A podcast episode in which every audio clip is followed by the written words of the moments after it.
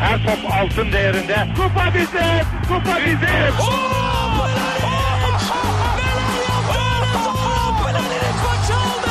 Dengeli de attı. İsabeti de buldu. Matta Fontaine. Zora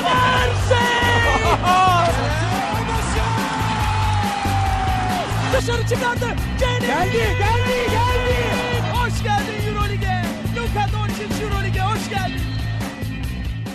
İkili Oyun'un 141. bölümünden herkese merhaba. Ben Ali Aktin. Mikrofonun diğer ucunda değerli dostum Tancan Füven var. Selam abi nasılsın? Selamlar. İyiyim valla. Seni sormalı. Nasıl keyifler?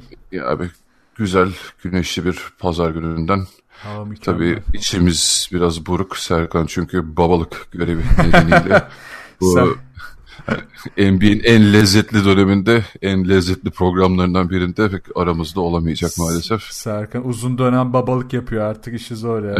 Bedelli çıkmadığı sürece işi zor. Ya da bilmiyorum acaba tahminleri mi sıçtı ondan mı gelmiyor acaba? ha evet kaçıyor da olabilir tabii. Onların da üzerinden geçeriz. Çok güzel patladığımız bir Portland OKC eşleşmesi oldu zaten tahmin olarak. Patlamayan var mıdır onda ya? Dü- Dünyada yoktur bence. Belki bir kişi falan. ben denk Yani, gelmedim. Evet. Ama yani bu kadar olacağını da evet, kimse tahmin etmiyordur herhalde. Ee, başlamadan önce hemen bir iletişim adreslerimizi tekrar hatırlatayım. Ee, web site adresimiz ikilioyun.com, mail adresimiz selam.ikilioyun.com, Twitter, SoundCloud ve Spotify'da bizi ikili oyun olarak aratınca karşınıza çıkıyoruz. Ayrıca Geek Yapar'ın da YouTube kanalında varız. Ve Tancan'ın her zamanki gibi muhteşem kanalı twitch.tv slash Tancan adresinden ona ulaşabiliyorsunuz. Bu aralar ne üzerine gidiyorsun abi? Valla bu ara şey yapıyorum. Bir ara yemek konusuna sarmıştın. E, onlara sardım da şimdi playoff dönemi diye canlı maç yorumlarına başladım. E, maçı canlı takip edip tabii ekrana veremiyorum ama e, en azından Ya, bir tracker açıp kapatıyorlar üzerinden. böyle. E tabi yasak yani maçı veremem. Ama tabi tracker'dan fena olmadı ya. Geçen e, gece yaptık yani. Fena değildi. Bakalım birkaç test yaptım. Şimdi yine bir yarında yapacağız Boston Milwaukee maçına. Evet Boston Milwaukee demişken o zaman bence doğudan başlayalım. Ee, e, bir yandan da şeyimizi açtım bizim tahminlerimizi. Önce bir hemen onu aradan çıkarayım bence. Ee, Bucks Detroit eşleşmişti. Bu seri 4-0 geride kaldı. Ee, zaten hepimiz 4-0 demişiz yalnız yanlış hatırlamıyorsam. Evet bu arada bir sekme yok. Ee, diğer yandan da Boston'da Pistons'ı 4-0'la geçti. Hemen ona bakıyorum. Ben 4-1 demişim. Serkan 4-3 demiş. Çok iddialı.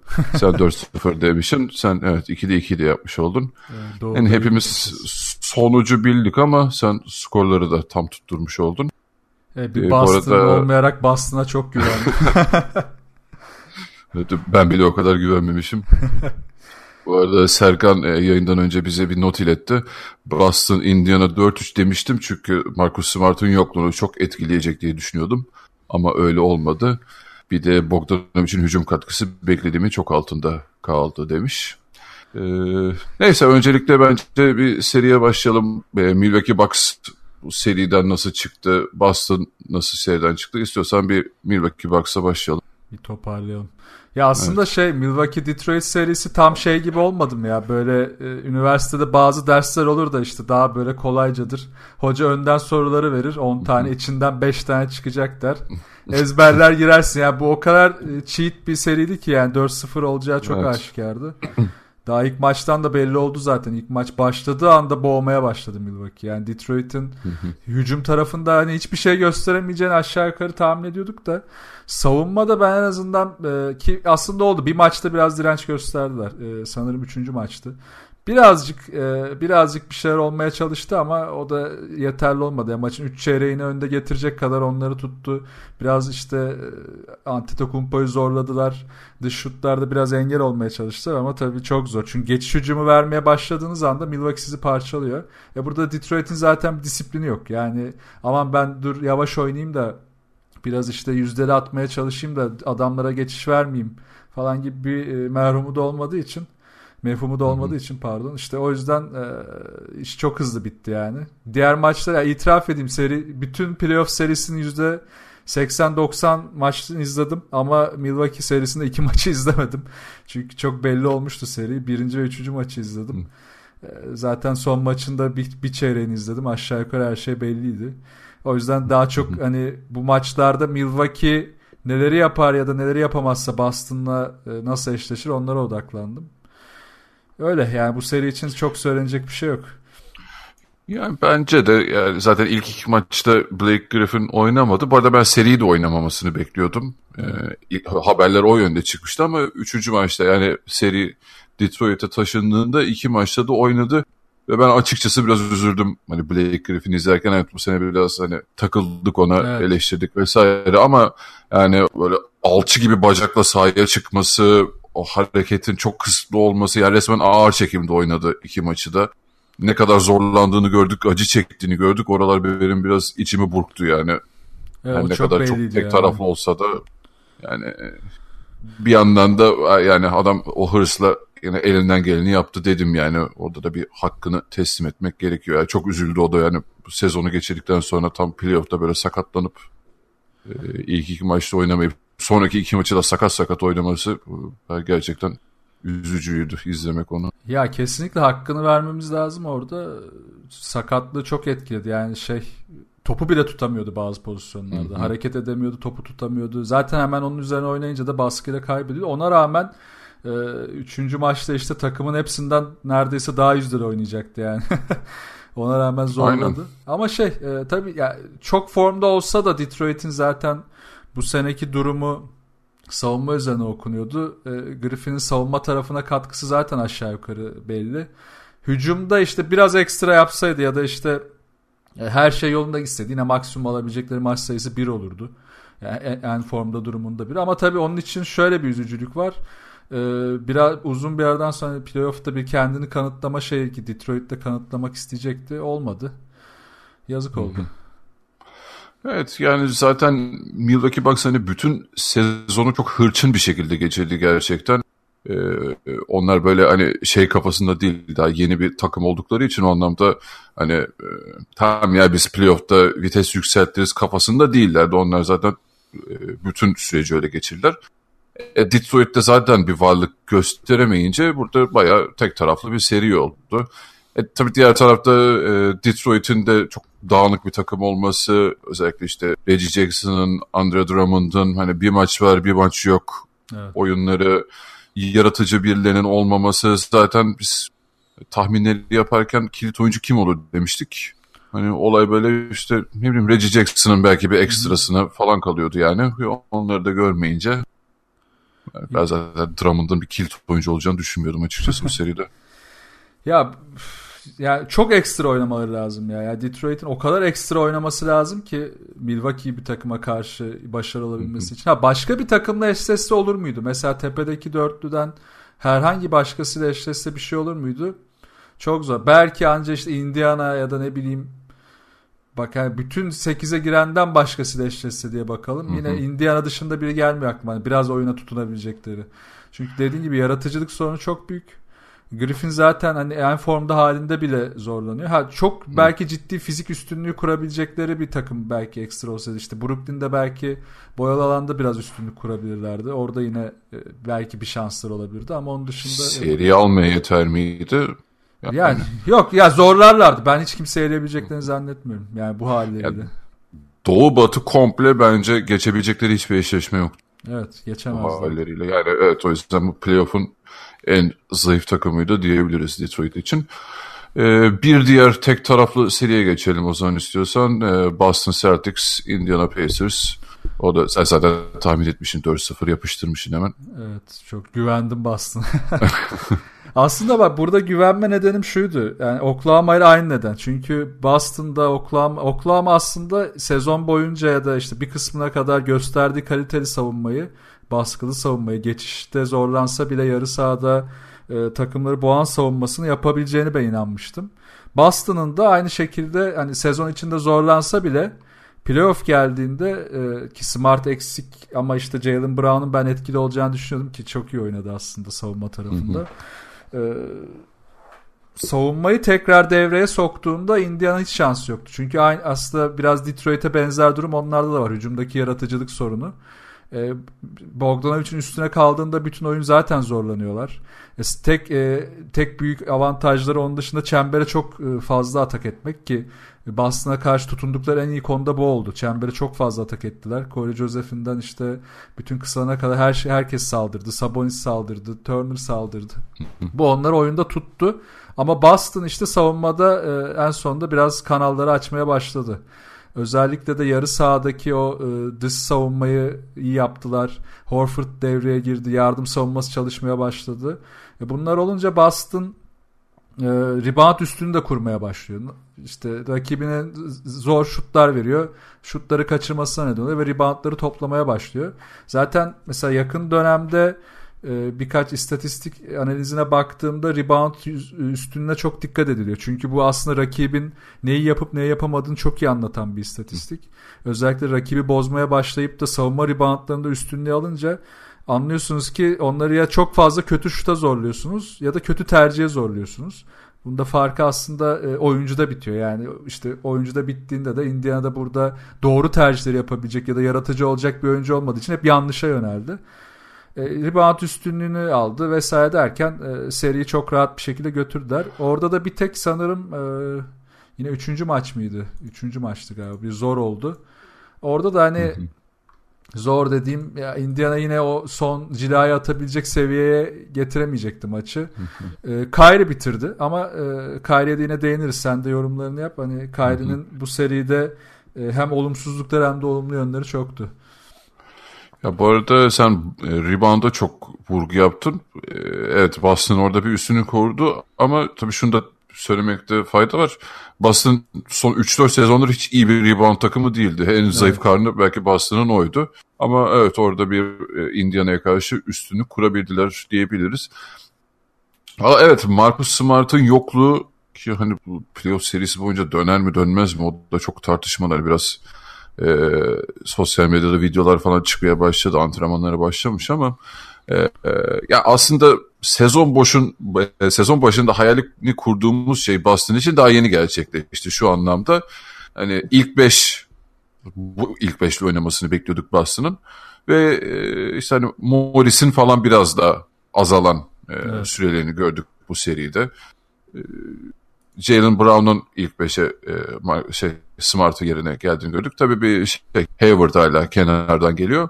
Ama bireysel performans olarak baktığımızda herkes artık iyi bir seviyeye geldi diyebiliriz aslında. Tatum iyi oynuyor. E, Horford gerçekten çok kilit bir rolde bence Boston için şu an olmazsa olmaz.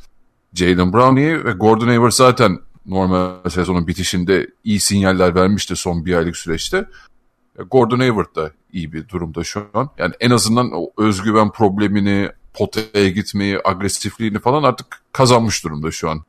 Aynen. Ee, hani bir sezon aldı ama e, tabii çok da o, yani yıkıcı bir sakatlıktan sonra çok da eleştirilebilecek bir şey değildi o belki de. E, Indiana tarafına bakarsak evet Oladipo'nun sakatlığından sonra bütün yük sayı yükü en azından Bogdanovic'e kaldı. Çünkü diğer taraflarda gerçekten böyle yaratacak, bitirecek, oyunu kontrolünü eline alacak birisi gerçekten yok. Yani şey parladı ya. E, Tyreek Evans parladı. Evet ya. bir anda. %55'te üçlük yani, attı o da. rezalet bir sezon geçirmişti yani. Ben sezon başında hani bu kadar kötü olacağını tahmin etmiyordum. E, o kendi yaratıcılığı sayesinde top kullanmayı top kullanması sayesinde o öne çıktı. Ya onun haricinde de böyle hani kenardan şu geldi, bu geldi işte Corey Joseph'ler falan yani hiç katkı yapamadı. Öyle bir fark yaratıcı bir element hiç olamadı. Hı hı. Indiana'da. Ha, tabii bu demek değil ki kötü oynadılar. Yine de savunma prensiplerini iyi işlediler. Orada şey de olmadı tabii bütün seri boyunca böyle Boston ezdi geçti gibi bir durum da değil yani. Çift hanelerde biten bir maç var mı? Yok sanırım. Yok. Ee, var var yani şey iki ha, tarafında bir, şey. attı iki tarafında attı dördüncü maç var 110 106. Evet. Ama o da zaten şöyle hayır, kop, hayır, kopmuş. Yani fark olarak çift tane ha, ha, fark olarak zaman seri. Evet olmadı. Bir ilk maç işte o ilk maçta Allah'ım yani heyecanla açtık izliyoruz falan yani Çok sıkıcı böyle şey. potanın önüne otobüs çekmiş gibi gerçekten kıran kırana savunmadı. O da baydı biraz gerçekten. Ee, Celtics için en azından hani tamam abi işte oldu bu diyecek noktada değiliz. Ama o sezon içi dramalarını en azından bir kenara koyup daha takım olarak oynadılar diyebiliriz bu seriyi. Ya ben biraz zaten şeye bakmak istiyorum. Yani e, India'da zaten Oladipo'yu kaybettikten sonra biraz işte e, yeri yeri yüksek olsa da yani 5. sırada olsalar da Detroit'ten hallice bir hale geliyorlar ki onlar için hı hı. Her şey çok zor oluyor. Biraz istatistikler üzerinden bakabiliriz işte Boston tarafında. Ee, yani çünkü Indiana aslında çok iyi bir gösterge oldu. Şöyle oldu çünkü iyi savunma yaptılar. Genelde insanların e, işte bütün sezon boyunca serzenişli savunma konusu oluyor ya NBA'de. İşte playoff'lara gelince de işte artıyor konusu ama Indiana bu savunmayı aslında bütün sezon yaptı. Zaten bir alışkanlık da geldi. Ee, aynı konu Clippers'ta da var işte aynı konu e, bir tek Oklahoma'da olmadı da Denver'da da var vesaire vesaire. Böyle bir savunmaya karşı Boston kendini ne kadar geliştirebilecekti bunu merak ediyordum. Sen de değindin işte Jason Tatum'un e, boyalı alandaki e, yüzdesi arttı mesela. Daha fazla çembere gitmeye başladı. Sezona göre yaklaşık %30 falan daha fazla gidiyor. Üçlük yüzdesi e, evet e, sadece 15 üçlük denedi bu seride ama %53 de attı. Bu da şunu gösteriyor bu, aslında. Ha, pardon abi söyle. E, bir lafını gireyim ya Jason Tatum abi sezon başında yani kanser ediyordu gerçekten. Tabii. Üçlükten bir adım içeri atıp çok uzun gereksiz ikilikler Aynen. deniyordu. Ya o zaten bütün sezonun acısını ben içimde yaşadım gerçekten. Lan git şu potaya yani yetenekli adamsın her türlü bitirebiliyorsun çemberde. Onu bırakması yani bayağı bir rahatlattı beni. Evet yani e, azalttı yani bayağı azalttı. O zaten Boston için hücumdaki hareketliliği arttıran konulardan biri. Evet, top Kyrie'nin eline kaldığında başka şeyler oluyor ama Kyrie'nin dışındaki hücum hareketliliği başladığında işler değişiyor. Açıkçası beni de mutlu etti.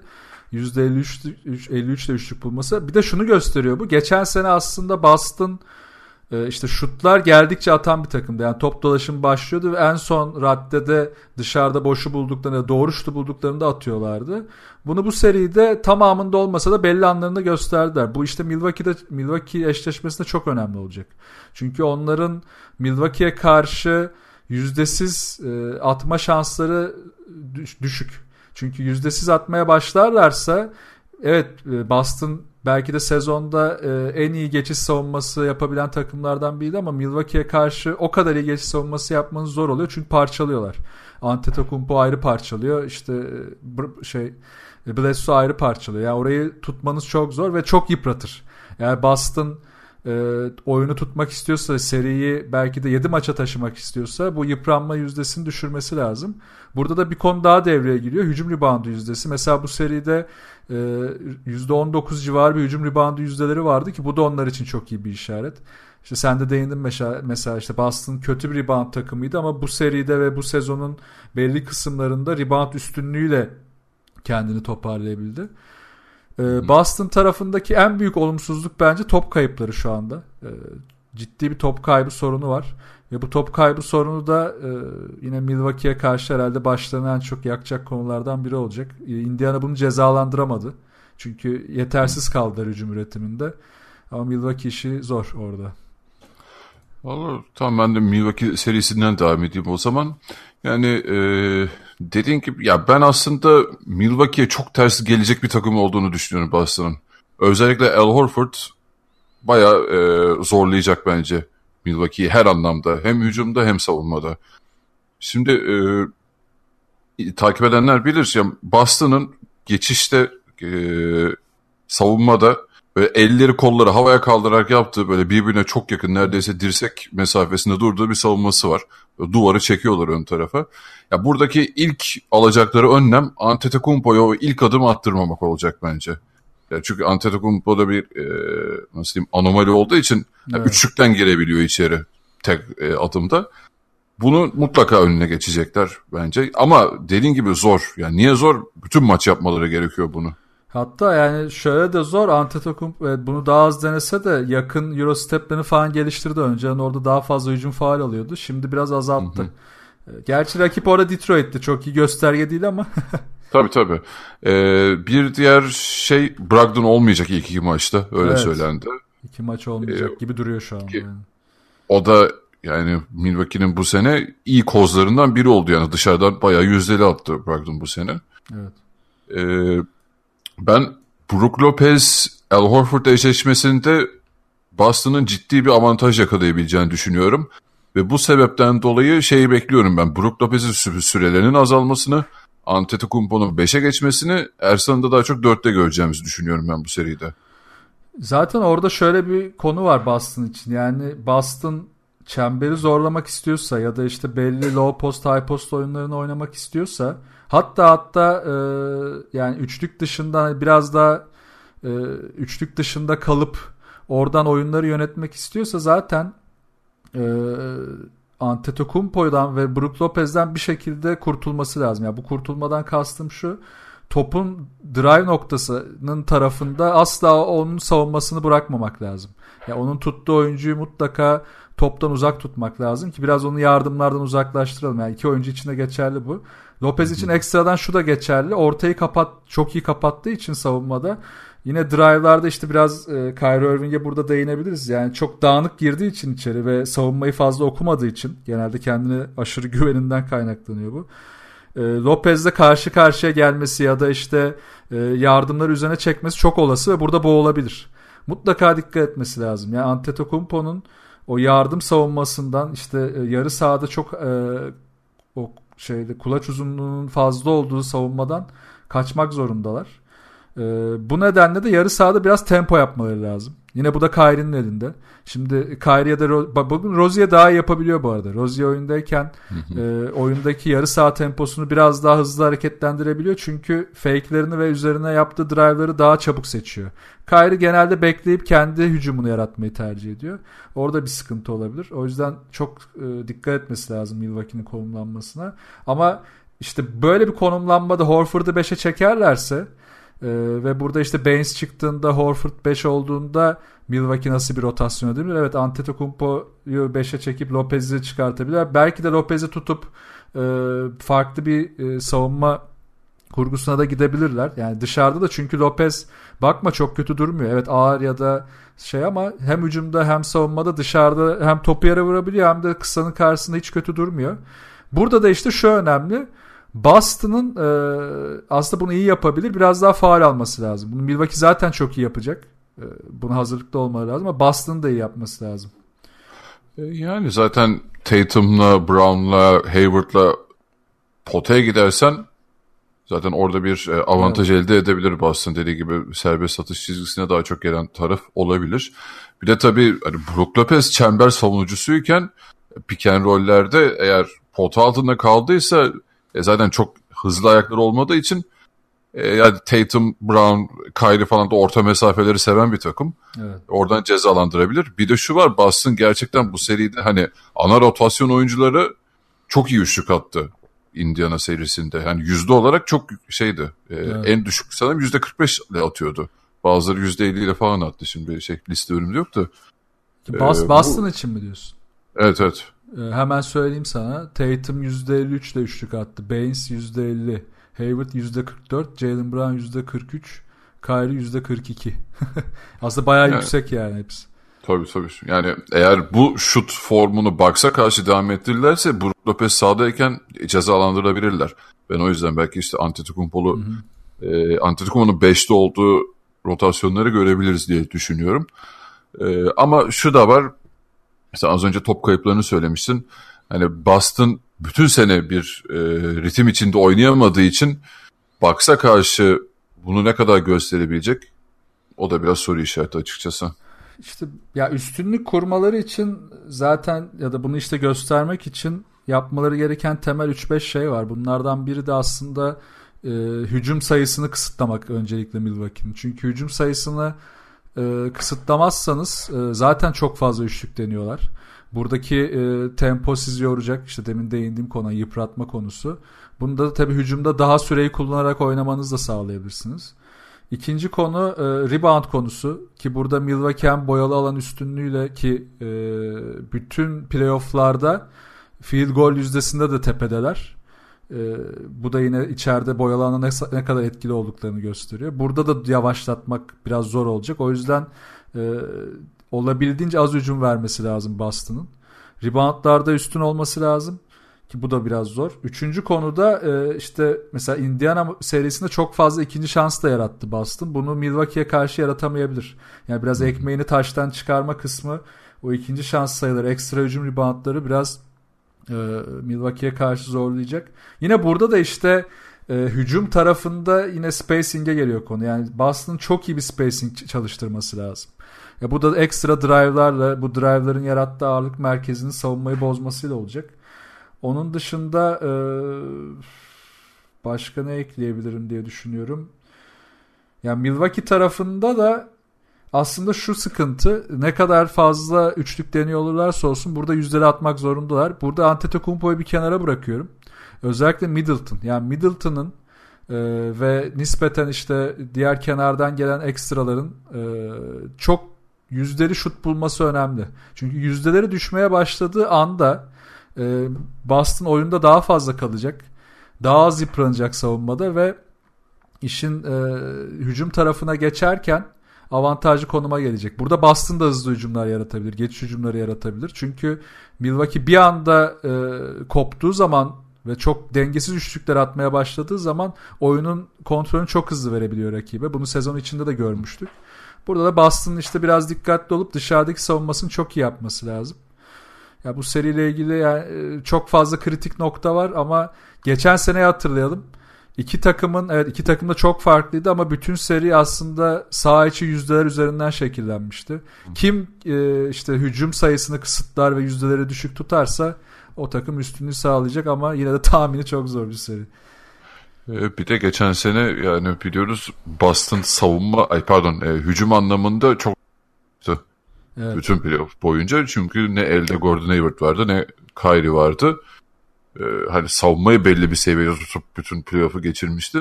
Ama e, hani daha fazlası gerektiği çok açıktı yani hücum anlamında. Bakalım o akıcılığı Kyrie ile beraber sağlayabilecekler bu seride.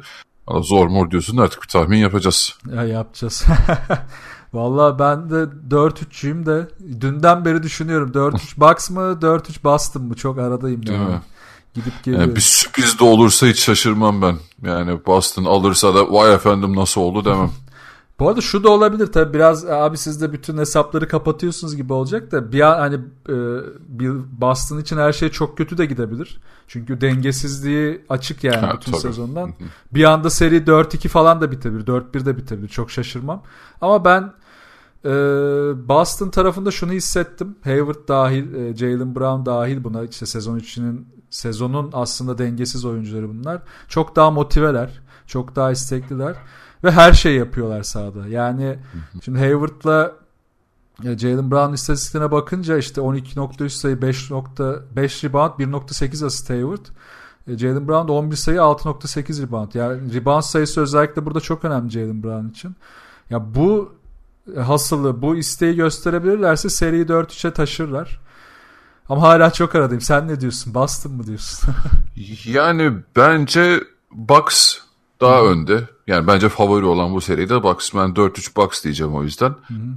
Ama böyle gönül rahatlığıyla zaten 7. maça gidecek diyoruz. O yüzden e, Boston'da alırsa şaşırmayacağım açıkçası bu seri. Yani 4-3 şundan diyorum abi. Ya Boston bu sezonu beklentilerin çok çok altında geçirdi. Evet. Daha yeni kendi ritimlerini şeyini buluyorlar ama playoff ilk turdu bitirdik yani. Diğer taraftan Bucks bütün sezon neredeyse bu seviyede oynadı.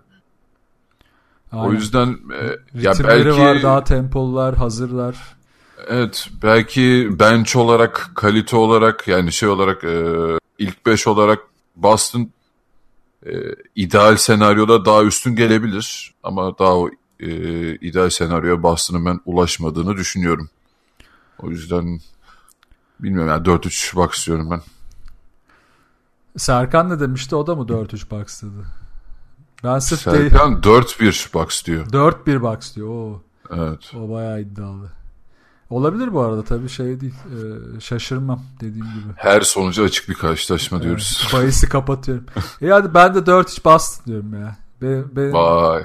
Böyle e, hiç güvenmiyorum ama belli noktalarda demin anlattığım konularda ama bir yandan da diyorum ki bu maç Boston için bir kırılma olabilir. Ya bu seri pardon. playoff atmosferi bir başkadır diyorsun. Bir başkadır diyor. ya biraz da şey tabii ben de şimdi gizleme benim de mantığım Milwaukee diyor ama içimden bir ses de ya Boston çok kolay bitirmeyecek bu işi diyor. Hadi ben de değişiklik olsun Boston diyeyim burada 4-3.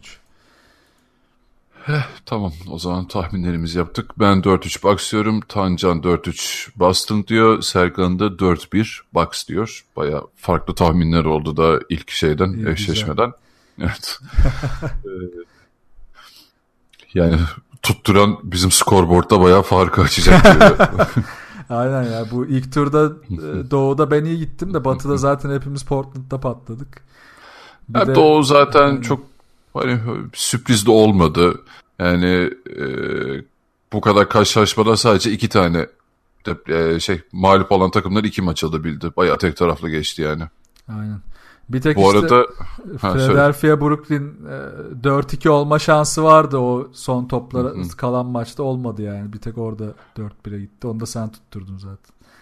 Bu arada başta söylemeyi unuttum programı girerken bir şey tablosu vardı. Ona baktım hani bu ilk tur ne kadar iyi geçti, ne kadar kaliteliydi gibi bir e, tartışma vardı. Yenilen takımlar totalde kaç? 1, 2, 5, 6, 7, 9 galibiyet alabildi. Bu galiba son 10-20 yılın mı artık 30 yılın mı ne en düşük ikinci skoruymuş. Bundan Hadi. bir düşüğü de 7'ymiş. Oo. Bayağı kö- kötüymüş bak. Ya evet yani biraz seriler uzadı gibi geldi de e, işte Golden State bir sürpriz oldu fazladan. Hani iki, iki maç olması. Bir maçı herkes aşağı yukarı tahmin ediyordu. E, ama evet baktığında Denver serisi dışında ve hani sürpriz dışında yani Oklahoma şey Portland'ı saymıyorum. Öyle çok evet, çekişmeli bir seri izleyemedik. Ee, bana zevk veren ama en azından bir seri Nets açısından değil mi? Oraya geçelim şimdi. Tamam. Ee, Philadelphia 76ers, Brooklyn Nets. Hikayeli bir seri oldu en azından. Evet. Ee, bence hani e, iyi coaching ve kötü coaching arasındaki farkı güzel gösterdi bize. Ee, Kenny Atkins'in elindeki kısıtlı malzemeyle ya da oyuncu kalitesi olarak daha aşağıdaki bir takımla neler yapabileceğini bize gösterdi. Brett Brown elindeki bir hani neredeyse All-Star kadroyla ne kadar kötü bir iş çıkarabileceğini bizlere gösterdi. Ee, bilmiyorum sen de aynı hislerde misin ama yani Nets'in elinde böyle daha kaliteli bir iki adam olsa biraz daha size'lı bir takım olsalar belki Philadelphia'yı yenecek güçtelerdi. Çünkü bu seride Philadelphia bana hiçbir şey vermedi. Evet 4-1 yendiler. Skor olarak baktığında "Aa, rahat geçmişler diyebilirsin. Ama e, yani maçları izlerken saç baş yoldurdu Philadelphia. Yani Kesinlikle. hiçbir akıcılık yok. Saçma sapan oyunlar. Yani tamamen biraz klasik ya bir geyik muhabbeti olacak ama hani oyuncu kalitesiyle aldı gibi geldi bana. Philadelphia hiç böyle güzel, akışkan bir takım havası vermedi bana. Diğer tarafta Nets'e bakarsak da elindeki çok kısıtlı imkanlarla, çok kısıtlı bir oyuncu grubuyla yani bir Twitter fenomeni Jared Dudley ile bir hikaye çıkardılar. Ya Jared Dudley atılmasa zaten belki de alacaklardı dördüncü Heh, maçı. o maç dönecekti belki de. Ee, yani bilmiyorum e, bir de sen gir ben doluyum biraz bu seriye karşı. Ya Philadelphia e, geçen sene aslında Denver'a konuşuyorduk ya bunu eldeki malzemenin kötü kullanımı diye. Gerçi Denver'ın başka sorunları vardı işte hiç savunmada yoklardı vesaire onlar çok üzüyordu. Hücumda zaten ki benzer sorunlar devam ediyor ama yine de toparladılar. Malzemeyi kötü kullanınca daha da kötü oluyorsun sen de televizyon başında. Evet. Hadi abi şunu yapın artık nasıl yapamıyorsunuz bunda falan diye sinirleniyorsun. Philadelphia'da bu sene öyle aslında yine malzemenin kötü kullanımı. Ee, ve işte Brett Brown'un e, belli kısıtlamaları, belli e, muhafazakarlıkları devam ediyor. Bir de bunun üstüne Embiid tam sağlıklı değil. Yani Embiid'in süreleri de e, biraz oynaktı bu seride. E, bir de bu birikince üstüne iyice e, tuhaf oldular ve ilk maç e, Nets açısından o kadar güzeldi ki ve ilk maç bence serinin yani bütün playoff'ların hatta bence en iyi maçlarından biriydi. Ben çok eğlendim izlerken. E, çünkü Nets'in bütün doğruları yaparak yani işte e, Philadelphia'ya karşı bütün topsuz oyunları doğru oyuncular yüzünden oynayarak mesela işte Redick'in savunma yaptığı oyuncuyu karşısına birebir alıp değil de Reddy'in savunduğu oyuncuyu mutlaka bir topsuz kat yaptırıp onun uyku halinden yararlanarak işte ne bileyim Embiid'in e, biraz çemberden uzaklaştığı zaafların artmasıyla onu orada tutarak ya da işte açık sahayı bulduklarında doğru spacing'i yaratarak doğru noktalara koşarak devamlı Philadelphia'nın açıklarına saldırdılar. Philadelphia ise böyle bir şey yapmadı. ya biz açık sahayı bulursak yine gideriz. Ee, yarı sahada da kısmet be hocam artık bakacağız. İşte e, Tobias'a veririz belki atar falan. Atamayınca iyice dağıldılar. Butler bir türlü ritim bulamadı vesaire vesaire. Bütün maçlar aslında bu e, minval içerisinde döndü durdu. İşte bu böyle durumlarda genelde e, sürpriz oyuncular biraz katkı verebiliyor. İşte Mario Mamic ekstra katkılar verdi. E, burada Brooklyn Nets'in Mike e, Scott. Mike Scott ekstra katkı ver ki o da sakatlandı. E, Evet. o da büyük bir sorun aslında onlar için. Zaten dar benchlerinde. E, ve mesela işte yine e, Embiid işte high, high postta top aldığında Brooklyn Nets burada çok fazla çözüm üretti. Bu da Embiid'i ekstra yıprattı. Yani onun sakatlığına e, vurguyu genelde zorlayarak yaptılar. Yani onu savunmada zorlayarak yaptılar. Bu da onlar için bir ekstra yarattı. Ve ilk maçı aldılar. Peki diğer maçlarda ne oldu? İşte burada da Brooklyn Nets'in aslında eksikliği ortaya çıkıyor. Yani hücumda çok çabuk e, panik haline bürünebiliyorlar. Çünkü bu te- tecrübesizlik başlıyor. E, ve e, üçlük yüzdeleri çok hızlı düşebiliyor. Yani Philadelphia'ya karşı da siz acele edip üçlük yüzdesini de düşük tutmaya başlarsanız arttıramazsanız e, çok ciddi bir rebound üstünlüğü vermiş oluyorsunuz ve serinin aslında kaderinde yine reboundlar ve üçlük yüzdeleri yattı. Hatta bu bütün NBA playofflarının hani %90'ın da birkaç istisna maç dışında ve yani Denver'ın mesela 7. maçı buna bir örnek. Üçlük yüzdeleri hep öne çıktı. Yani üçlük yüzdesini alan takım maçları kazanma şansını çok ciddi ele geçirdi. E, bunun da nedeni aslında sadece hücumda yatmıyor. Yani siz üçlük yüzdenizi arttırdığınızda işte hep bahsediyorum. Yani savunmadaki geçişkenliğinizi de kontrol altına alıyorsunuz. O geçiş hücumlarını savunmak, rebound üstünlüğü almak hep kritik hale geliyor. Bunu da Nets yapamadı. Ee, burada hep bir ekstra oyuncu yaradılar. İşte bu da mesela Jared Dudley oldu. Dudley o hasılı yarattı. Reboundlarda üstünlük yarattı. Hücum reboundu zorladı. Dördüncü maçı da o çıkınca bir anda zaten kaybedecek duruma gelip kaybettiler. Ama evet yani Philadelphia için e, bir şekilde geçtikleri Brooklyn Nets için de üzücü bir şekilde kaybettikleri bir seri oldu aslında. Abi zaten ilk maçta biliyorsun Jared Allen falan çok erken faal problemine girdi. Evet. Abi Ed Davis'le kafa tuttular Philadelphia'ya. ya. Yani herif, bak gerçekten iyi oynadı yani. Evet. Tamam üstün bir oyuncu değil. Ed Davis kim lan? ya, herif Bir parladı yani. ya o mücadeleyi verdi herif. Varıyla yoğuyla savaştı ya sahada. 16 Ya, reboundu her- var ilk maçta. Ya inanılmaz abi şey hele bazı sekanslarda Levert falan girdi girdi attı. Dinwiddie ya elini kolunu sallayarak girdi ya. Yani ne savunmada ne hücumda. Ya ben şeye çok acıyorum ya Tobias serisi. Evet çok. Yani bu sezon başından beri Tobias Harris Philadelphia'da oynamış olsa herif yani biliyorsun bu sene All-Star sınırına geldi. Hiç adı bile geçmezdi yani. Ne yapıyor şu an sahada belli değil. O da onu da bildiğini zannetmiyorum ben. Ya onun da pek haberi yok. Abi hazırlıksızlar işte. Yani Philadelphia Umarım gider sezon sonu yani. böyle giderse zaten onu konuşuruz da yani Philadelphia'da kimin kalıp kimin gideceği biraz da bu playoff sonuçlarını belli edecek. Yani şu Toronto serisi ki ben e, tahminleri yapınca zaten görecek dinleyiciler de hiç şans vermiyoruz. E, ya bu hazırlıksızlık, bu plansızlık hiçbir oyuncuyu mutlu etmez. Ve hani bunun örneklerini bütün seride gördük. Mesela ikinci maçta e, rebound sorunu ortaya çıkmaya başladıkça Atkinson alan savunmasına döndü. O kadar hazırlıksız ki Philadelphia her şeye. Daha ilk pozisyonda Simmons e, pozisyon almaya çalışırken hücum faal aldı. Yerini kaybetti. Embiid ne yapacağını şaşırdı. Ya bunun olabileceğini bilmen lazım. Yani bunun çok basit bir hazırlığını çok e, basit bir video e, konferansıyla bile yapabilirsin. Ama Philadelphia bu tip şeyler hiç hazırlıklı değil. E, ve bu e, hücumlarını da çok etkiliyor yani. Aç YouTube'dan izle ya valla 10 numara analiz video analizler yapıyorlar ya. At, senin yayını izleseler daha iyi, çok çalışırlar herhalde şu seriye yani. Eyvallah. Ya çok şaşırıyorum ben tuhaf. valla.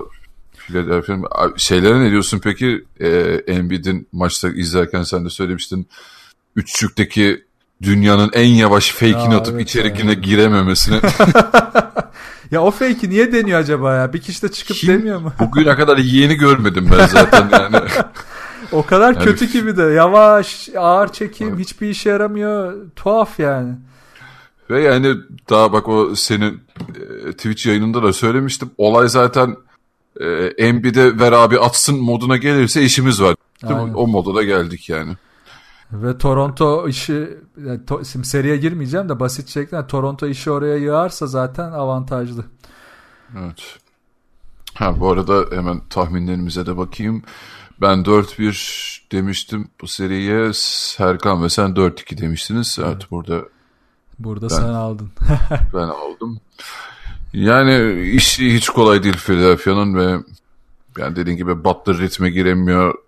Tobias serisi doğru kullanamıyorlar. Doğru düzgün bir pick and roll oyunu bile çok sınırlı sayıda görebiliyoruz. Ve yani Brett Brown gerçekten bu takımın başında kalmaya devam ederse ve harika düşünüyorum burayı. Bir Thibodeau sendromu yaşayacağım yani yakında ben. Ya üzücü bir yandan da. Ya bir de hani e, bunları cover da etmiyor. Yani hiçbir şekilde sağ içinde de düzeltmeye ya da onların e, eksik kısımların üstünü örtmeye çalışmıyor. İşte Redick dedik mesela. Harris e, dördüncü maçta yanlış hatırlamıyorsam Redick'i devamlı üstüne çekip devamlı onunla e, boğuşup devamlı onun üzerine hem topsuz hem toplu oyun oynayarak bitirdi. Oradaki açığı çok iyi yakaladılar ve onun tarafından e, drive noktalarını yaratıp onun yardım savunmasının da berbatlığını kullandılar. Yani Atkinson dediğim gibi yani Philadelphia'nın bütün eksikliklerini kaşıdı. Dinwiddie sahaya çıktığında işte onun birebirlerine karşı hiçbir ekstra savunma şansı yaratamadılar. Bir tek şunu yaptılar onun hakkını vermek lazım. Ee, birebir savunmayı tam sahada başlattığında Philadelphia ve bununla beraber yarı sahaya geçtiğinde orada bir avantaj yarattı. Yani biraz şeyi fark etti sonunda. Yani Nets'in tecrübesizliği ve panik haline e, girme durumunun aslında çok hızlı gerçekleştiğini biraz fark edince bu baskıyı arttırdı. İlk maçta bunu yapmadığı için Nets çok rahat oynamıştı ki dördüncü maç mesela pardon beşinci maç konuşacak hiçbir şey yok o maçta. O maç e, Philadelphia'nın mesela çok ağır bir savunma baskısı ve üstünlüğüyle geçti. E, ve Nets üzerine berbat attıkça da Philadelphia tamamen istediği geçiş ve hızlı hücumları oynamaya başlamıştı. İşte bu savunmayı ama Toronto'ya ne kadar yapabilirler? E, tabii onu konuşacağız. Evet oradan benim de ekleyebilecek bir şeyim yok bu seriye dair gerçekten. Evet 4-1 bazı alanlarda çok büyük üstünlük kurdu Philadelphia ama benim hiç içime sinen bir seri olmadı bu açıkçası deyip bir sonraki karşılaşmamıza geçelim. Toronto Orlando. Bir önden şeye bakayım ne demişiz. Ben Ee, 4-1 Raptors galiba. Serkan ve sen 4-1 demiştiniz. Ben 4-0 demiştim. Bunda da ben yatmış oldum. Orlando'nun bence yani sizin için olmamış da benim için sürpriz galibiyetiyle. Hiç güvenmemişsin be Orlando'ya ya. Ah.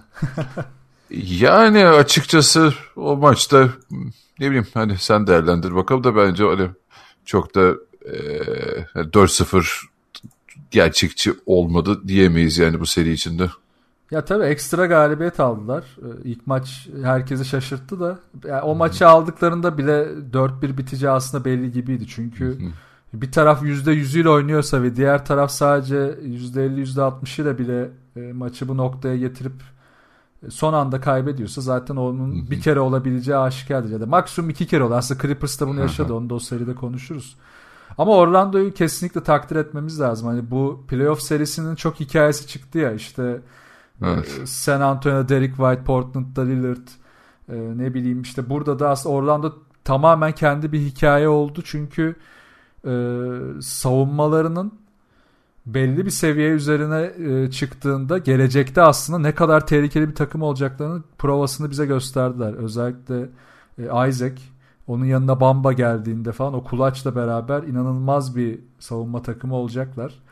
Burada da işte bak şunu söyleyeyim. Steve Clifford'ı geçen sene ya da ondan önceki senelerde işte Charlotte'la çok eleştiriyorduk. Şu e, işte koçlar takım değişince şu gözüküyor. Yani koçun kafasındakiyle e, oyuncuların sahaya koydukları şey her zaman aynı olmuyor. Yani sen istiyorsun ama oyuncu onu yapamıyor ya da e, reddediyor ya da beceremiyor. Ama işte Orlando'nun şöyle bir avantajı oldu. Hücumda ne kadar e, belli noktalarda kısıtlı olurlarsa olsunlar savunmayı hiçbir zaman bırakmazlarsa başarılı olacaklarını anladılar. Mesela bunu Charlotte çok anlayamıyordu.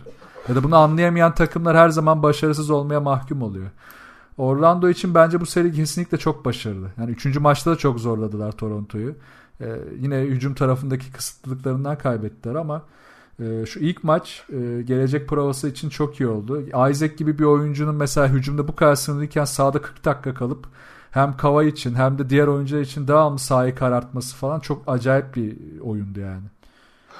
Yani sezon başında Orlando olan beklentilerimizle bu sezon bitirişler arasında dağlar kadar fark var kere. Evet. O yüzden dediğim gibi haklarını teslim etmek lazım. Ee, son dönemde inanılmaz bir çıkış yakaladılar. Çok iyi bir savunma e, oturttular. Ee, ama tabii hücumda sınırlı bir takım. Çünkü yetenekleri bir yere kadar yani oyuncu kalitesi bir yere kadar. E, bir de bu seride Vucevic dibe vurunca yani öyle böyle vurmadı yani o da gerçekten ortalıktan kayboldu. Hani belki o biraz daha sağlıklı olsa bir ikinci iki, ma iki maç koparabilirler miydi? O tartışılır. Ama yanılmıyorsam biz tahminlerimizi de yaparken hani kilit oyuncu kim olur dediğimizde DJ Agustin'i gösteriyordu. Evet. Ee, biraz göstergeler. O da yani kazanılan maçta gerçekten çıkıp attı. Çok iyi oynadı ve o maçı sürpriz bir şekilde bence Orlando'ya getirdi. Ben biraz tabii şeye bu seride biraz daha şaşırdım. Hani şey e, Gasol bayağı süre aldı. Ben Ibaka ile oynar diyordum. Özellikle seri başında Gasol ile çok fazla oynadı. Sonradan biraz da e, Ibaka'yı çekti. E tabii Vucevic kendi bireysel olarak dibe vurdu. Yani ben iyi bir savunmaya karşı değil. Kendi hiçbir şey üretemedi. Kendi oyunu çok dışına çıktı. E zaten senin takımın yıldız oyuncun e, senin taşıması, taşımasını beklediğin oyuncun bu kadar dibe vuruyorsa bu seride yani çok da yapacak bir şey yok o konuda. Aslında orada e, çok katılmıyorum çünkü Toronto bence boğdu ya biraz. Yani Toronto şöyle yani işte Gasol'ü oyunda tuttuğunda sene başındaki Memphis'te de böyleydi. Gasol boyalı alanda çok iyi bir savunmacıyız ama uzaklaştıkça düşüyor. Şimdi Gasol'ü siz orada tuttuğunuzda yanına da işte Siakam ya da e, Ibaka iki, e, Gasol Ibaka ikilisini de oynattı bu arada yer yer. Vucevic'i fena boğdular. Yani Vucevic daha e, posta topu aldığında etrafındaki alan çok daralıyordu. Ve Vucevic aslında evet e, fena bir pasör değil ama bu kadar baskı altında da bir yok iç gibi pas atabilecek bir oyuncu da değil. Mesela yok içe sen baskı getiriyorsun ama yok iç bundan kurtulacak noktaları hızlıca bulabiliyor. Vucevic bulamıyor. Bulamadıkça da çok zorlandı, tıkandı, hareket alanı bulamadı. Ee, bir tek hani ya bakayım bir dördüncü maçtaydı galiba. Fena oynamadı sanki o maçta. Bakıyorum. Baktım yok o maçta değilmiş. De, tamam genelinde genelinde berbattı. Bir maçı iyi oynadı ama onu hatırlayamadım ya hangi bir, maçta. Şey 98-93 Ha üçüncü maç işte o zaman. Evet, evet üçüncü maç. O maçı iyi oynadı. O maçta da fark şuydu aslında Toronto e, kötü hücum etti biraz o maçta. Kötü hücum ettikçe Orlando e, biraz daha rahat hücum alanına geçip daha hareketli erken hücumlar yaratmaya çalıştı. Orada da Vucevic kendine avantaj yarattı hızlı pick and roll'lerle ya da hızlı birebirlerle. Hani yarı saha savunması yerleşmeden biraz kendine etki alanı yarattı. Ama onun dışında Toronto onu çok fena parçaladı ya. Yani evet Orlando'nun savunmasını övüyoruz ama Toronto'nun savunması da başka bir seviye. Yani bütün sezon çok iyi götürdüler. Playoff'larda devam ettiriyorlar. Üstüne de ben şunu savunuyordum. Yani Ibaka'nın Evet hücumda o yüksek e, high postun üstünde attığı şutlar rakip e, uzunu dışarı çekiyor ve orada bir avantaj yaratıyor. Ama savunma tarafında Ibaka'nın e, işte tahmini yaşıyla e, itibaren hani biraz zorlanacağı belliydi. Gasol orayı da rahatlattı. O yüzden de sürelerinin bölünmesi Toronto'nun işine yaradı bayağı. Evet onlar da zorlamamış oldu orayı. Bu arada şey de bayağı eleştiri oklarını almıştı üzerine. Ee, Kyle abi ilk evet. maçta sıfır atınca bir anda aha sorun buymuş diye herkes böyle bir gaza geldi. Hani geçen e, senelerin o playoff travması var ya evet. Toronto'da. O yüzden hani öyle bir tepki çek. Ama o da toparladı yani sonradan. Hatta ondan bir sonraki maçta mı 20 küsur atmıştı. Bir anda e, o da şeyi o havayı dağıttı en azından üzerindeki stresi şeyi atmış oldu. Aynen. Ya aslında zaten Lavri'nin şöyle bir strese girmesi anlamsız. Skor tabii ki sıfır atması çok kötü de.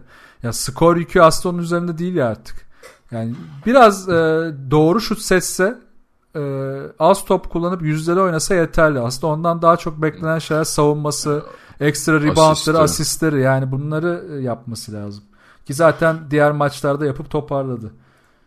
Orada Siakam yine e, güzel bir seri geçirdi. Bir Danny Green galiba beklentilerin altında kaldı. Onda çok yüzdesiz oynadığı maçlar oldu. Ya en azından hücum anlamında diyorum. Evet. Yani evet Danny Green biraz yüzdesiz kaldı. Daha hemen bakayım orada yüzdelere de. Ee, Green %35 ile atmış. Bu arada hani şimdi bakınca Kavay'a bir değinelim ya. Yani Kavay Kavay sonunda iki senedir e, göremediğimiz playoff Kavay'ı izliyoruz. Playoff Kavay değil mi? Onu diyecektim ben de. %55 field goal, %53 üçlük, %90 faal. Yani 27.8 sayı, 6.6 rebound, 3 asist, 1.2 top çalma. 0.5 blok abi böyle şey çıldırmış durumda yani. Bir de yanına evet. bak Siakam'ın mesela şeyi konuşuyorduk ya sezon içinde hani bir soru gelmişti galiba bununla ilgili işte Siakam'ın etrafında kurulabilir mi bu takım ileride ya da Siakam tek başına sürükleyebilecek bir yıldız olur mu diye. Bir şey değil mi bu playofflarda bence onun ilk işaretini verdi. Yani e, bir kademe daha atlamadı ama o kademeye atlayabileceğinin e, basamaklarını çıktığını gösterdi. Oyunu kontrol ediyor savunmayı çok daha iyi okuyor. Ee, işte sadece sağıma gideyim bitireyim e, hücumda doğru şeyleri e, yapayım işime bakayım değil. Bütün oyunu kontrol etmeyi öğrenmeye başladı. Evet bunu tabii ki Kavay varken maçın tamamında yapmıyor ama Kavay düştüğünde ya da Kavay kenardayken ya da işte Kavay tıkandığında Siakam belli liderlik özelliklerini göstermeye başladı. Bu da çok iyi bir işaret. Ee, umarım onlar için bu seride de daha iyi olacak. Zaten Kawhi gibi liderinin yani süperstarın olduğu bir takımda Siakam gibi patlama yapmış bir adama sahip olmak çok büyük fark yaratıyor ya. Yani haksızlık gibi oldu yani Siakam'daki evet. bu sezonki patlama yani çok overall gerçekten çok iyi bir oyuncu haline geldi. Dediğin gibi etrafında takım bence neden olmasın. Bir seviyede atlarsa olur. Aynen işte o seviyeye de yaklaşıyor gibi. Baya heyecan verici bir oyuncu oldu iyice. Yani şu da var mesela Oladipo da ayrıldıktan sonra gel şeyde yani ne kadar büyük bir sıçrama yaptı. Hani ayrılsın anlamında demiyorum. Toronto'dan Gitsin ama. ya Kavay. Ee, ya gerçi Siakam öyle bir adam yani. Bu arada çok kişiliğine e, hakkında çok bir fikre sahip değilim ama bazı oyuncularda oluyor yani. Ben burada evet. kendimi gösteremiyorum. Başka yerde lider olacağım muhabbetlerinden. Yok bence hiç öyle, yani öyle bir vücut dili yok sahada ya. O, öyle o bir hava vermedi şey. evet. Aynen. Ee, e seri, peki seri, seri seriye geçelim. Abi seriye geçelim. Zaten şeyden devam et istiyorsun. Kavai'nin ne kadar e, inanılmaz bir seviye çıktığından bahsetmişken bu arada e, biz bu kaydı yaparken tabii ilk maç oynanmış oldu. İkimiz de izlemedik daha henüz. Hı hı skorunu biliyoruz ama e, izlemedik daha seriyi. O yüzden hani seri ondan bağımsız gibi, olarak evet, seri evet, başlamış gibi yorumlayacağız. Aslında yapacağımız yorumlar da hani ben istatistiklere baktım sadece aşağı yukarı karşılıyor gibi çünkü hani şaşırmadık galiba. Hiç şaşırtmayan istatistikler vardı sahada. Ya tabii sadece istatistiklerle maçı anlamak zor ama e, belli şeyleri de söylüyor. Özellikle Kavay'ın performansı belli ki e, savunmada işte Philadelphia'nın ne kadar zorlandığını da gösteriyor. Hmm. Tabi orada benim aslında Philadelphia tarafında söyleyeceğim e, en kritik konu şu olacaktı bu seri için. E, işte o boyalı alan 0-3 feet alanını çok iyi savunmak durumundalar. Yani e, ve bu çok iyi savunma yapmalı derken de işte Embiid geliyor hemen akla ve Embiid'in sağlıksız olduğu. Buradan zaten en büyük dezavantajı e, bir kere hanelerine yazıyorlar. Yani Philadelphia'nın Toronto'ya karşı bir şansının olması için önce e, bu savunmayı yaratabilmesi lazımdı. İkinci konu e, Toronto'nun aslında hücumda biraz kontrolsüzlüğe itilmesi olabilir ama bunu da Toronto aslında bu dezavantajdan da kendi kaçıyor çünkü hücumlarında mutlaka bir kontrolü sağlıyor. Eğer kontrol kaybolursa da Kavay bunu sağlıyor. Şimdi bu sezon içinde biraz daha şey gibiydi. Yani Kavay topu eline alıyor, tutuyor, tutuyor. İşte kendi kullanıyor. Kullanamazsa e, birilerine veriyor. Atabilirlerse atıyor, atamazlarsa gidiyor gibi bir kopukluk vardı. Playoff'larda bu şuna döndü. Toronto kontrolü kaybetmeye başladığı anda Kavay kontrolü almak için topu tutuyor. Ve bu sefer drive'ları daha etkili, daha iyi yaptığı için doğru ağırlık merkezini yaratıp yani savunma üzerine çekip e, doğru oyuncuları bulup daha yüzdeli bir oyuna yönlendirebiliyor onları. Bunu sadece asist yapmak gibi düşünmeyin. Yani bu e, aslında biraz daha key pass'leri atmak gibi yani doğru pas akışını başlatmak gibi. Doğru pas akışı başladığı anda da Toronto hücumda rahatlıyor. Daha yüzdeli oynuyor ve bu da Philadelphia'nın işine hiç, hiç, hiç gelmiyor. O yüzden hani Philadelphia'nın Toronto'ya karşı savunma tarafında işi çok zor. Belki Nets maçındaki gibi e, bir baskıyla işleri toparlamaya çalışabilirler. E, onlar için bir faydası olur mu bilmiyorum. Biraz yine işleri zor olacak burada. Mesela şimdi şeye bakıyorum. E, Toronto'nun top kaybına bakıyorum. Top kaybı oranında da e, 6. sırada yani en iyi takımlardan biri çok düşük top kaybı yapıyorlar. Orada da işleri zor. Yani top kaybı yaratamazlarsa geçiş hücumu da bulamazlar. Ki Philadelphia'nın tek silahı o etkili silahı. Yine işleri zorlaşacak. Yani Toronto'ya karşı ne yaparlarsa yapsınlar e, çözüm üretebilecekleri bir silah yok ellerinde. Ki bunu Embiid sağlıksız olduğu için de e, bu çarpı 2 oluyor aslında. Yani zaten bir de e, şu da var yani bu maçta bayağı bir ofansif rebound da almış Philadelphia ki ona rağmen buradan bir üstünlük çıkaramıyorsan Aynen. o da artık geçmiş olsuna doğru gidiyorlar. Bu arada e, şey ya dediğin şey katıyorum sezon içerisinde hani e, sahadaki 5 Torontolu ya 1 ve 4 gibi bir oyun oynuyordu Toronto dediğin gibi. Bir hücumda Kawhi tamamen tek başına takılıyor. Diğer hücumda diğer 4 kişi bir hücum etmeye çalışıyorlar gibi bir durum vardı. Ben zaten playoff değerlendirmesini yaparken dedim hani acaba o uyumu, o ritmi ne kadar yakalayabilecekler playofflarda? O bir soru işareti benim için. E şimdi Kawhi tamamen hani Kyrie nasıl e, Boston için bir sorun çözücüyse e, Kawhi Leonard da ya gerçekten o kadar zor şeyleri bitirebiliyor ki e, sen yüzdelerini de söylemiştin. Evet. Kusursuz senaryo gibi şu an onlar için. Ve hani o hücumda e, Toronto'nun geçen senelerde yaşadığı sıkıntıyı çözmüş durumda görüyor. Hani DeRozan'la aşamadıkları seviyeyi Kavai'yi aştıracak bence. Kesinlikle. Çok daha iyi gözüküyorlar çünkü. Kesinlikle aştıracak ve e, yani Kavai efficiency olarak da çok acayip bir yerde. Mesela işte bu maçta şimdi sen dedin tekrar bakıyorum hücum rebound konusuna değindim mesela. ikinci şans sarısı yaratmada Philadelphia bir üstünlük kurmuş ama ee, savunma tarafında field goal %51'e %39. Çok ciddi Tabii. bir fark var. Yani Toronto yine burada e, hem savunmasını hem de hücumdaki işte o boyalan etkinliğini çok ciddi ortaya koymuş. Ya tabi burada e, Philadelphia'nın Toronto'ya karşı vurabileceği çok bir zaaf yok. Ha, ne olabilir diye düşünüyorum. Belki Kyle Lowry üzerinden belli şeyler deneyebilirler. Burada bir matchup yaratıp ya da işte e, Tobias üzerinden bir matchup yaratıp e, zaaf yaratabilecek matchup bulmaya çalışabilirler. Ki burada da yani e, Gasol Ibaka ikilisini evet denedi e, Nick Nurse ama yani Tobias'ı mesela 4 gibi oynattıklarında ya da Simmons'ı biraz daha hani 4'e çekip avantaj yaratmaya çalıştıklarında bu ikiliden vazgeçebilir. Orayı da kısaltabilir. Ona da yanıt verebilir. Ki, ha, hoş kısaltsalar ne olacak ki? Zaten Simmons 4'e geçse de 5'e geçse de ki 5'e geçirmiyor ısrarla ama e, geçse de çok da yaratıcı ya da orada çok efektif bir footwork yaratıp çembere gidemiyor. O da ayrı bir sorun. Ha bir şey maçında denedi. Ee, Brooklyn Nets evet, kaçıncı maç hatırlıyorum sonlarına doğru bir denedi. Ama hiç üzerinde durmuyor.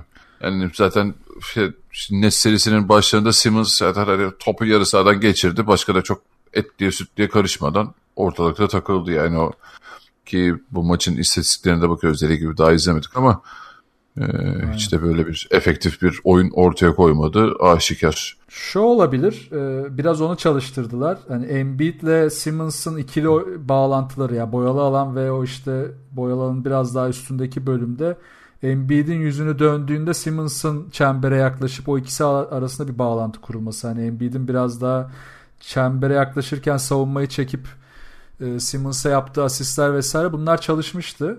Bunu belki Ibaka 5'teyken ya da Gasol'ü yukarıya çekip yani onun savunmadaki etki alanından uzaklaştırıp bunu biraz çalıştırmayı deneyebilirler. Bu işe yarayabilir ama bu da Abi, bütün maç şey çalışacak bir şey. Yapsınlar ya.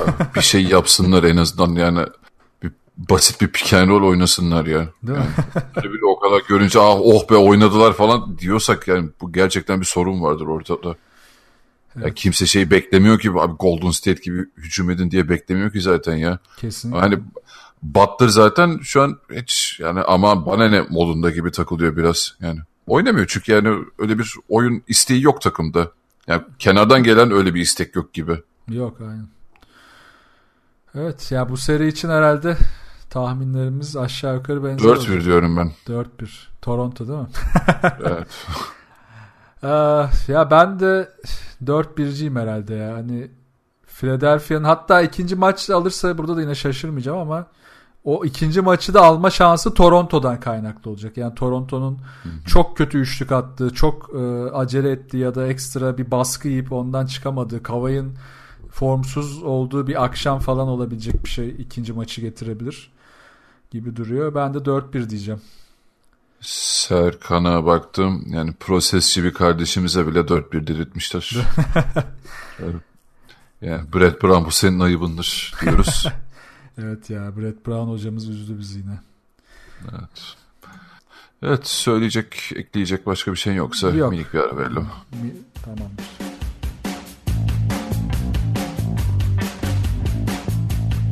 Evet, Batı eşleşmeleriyle devam.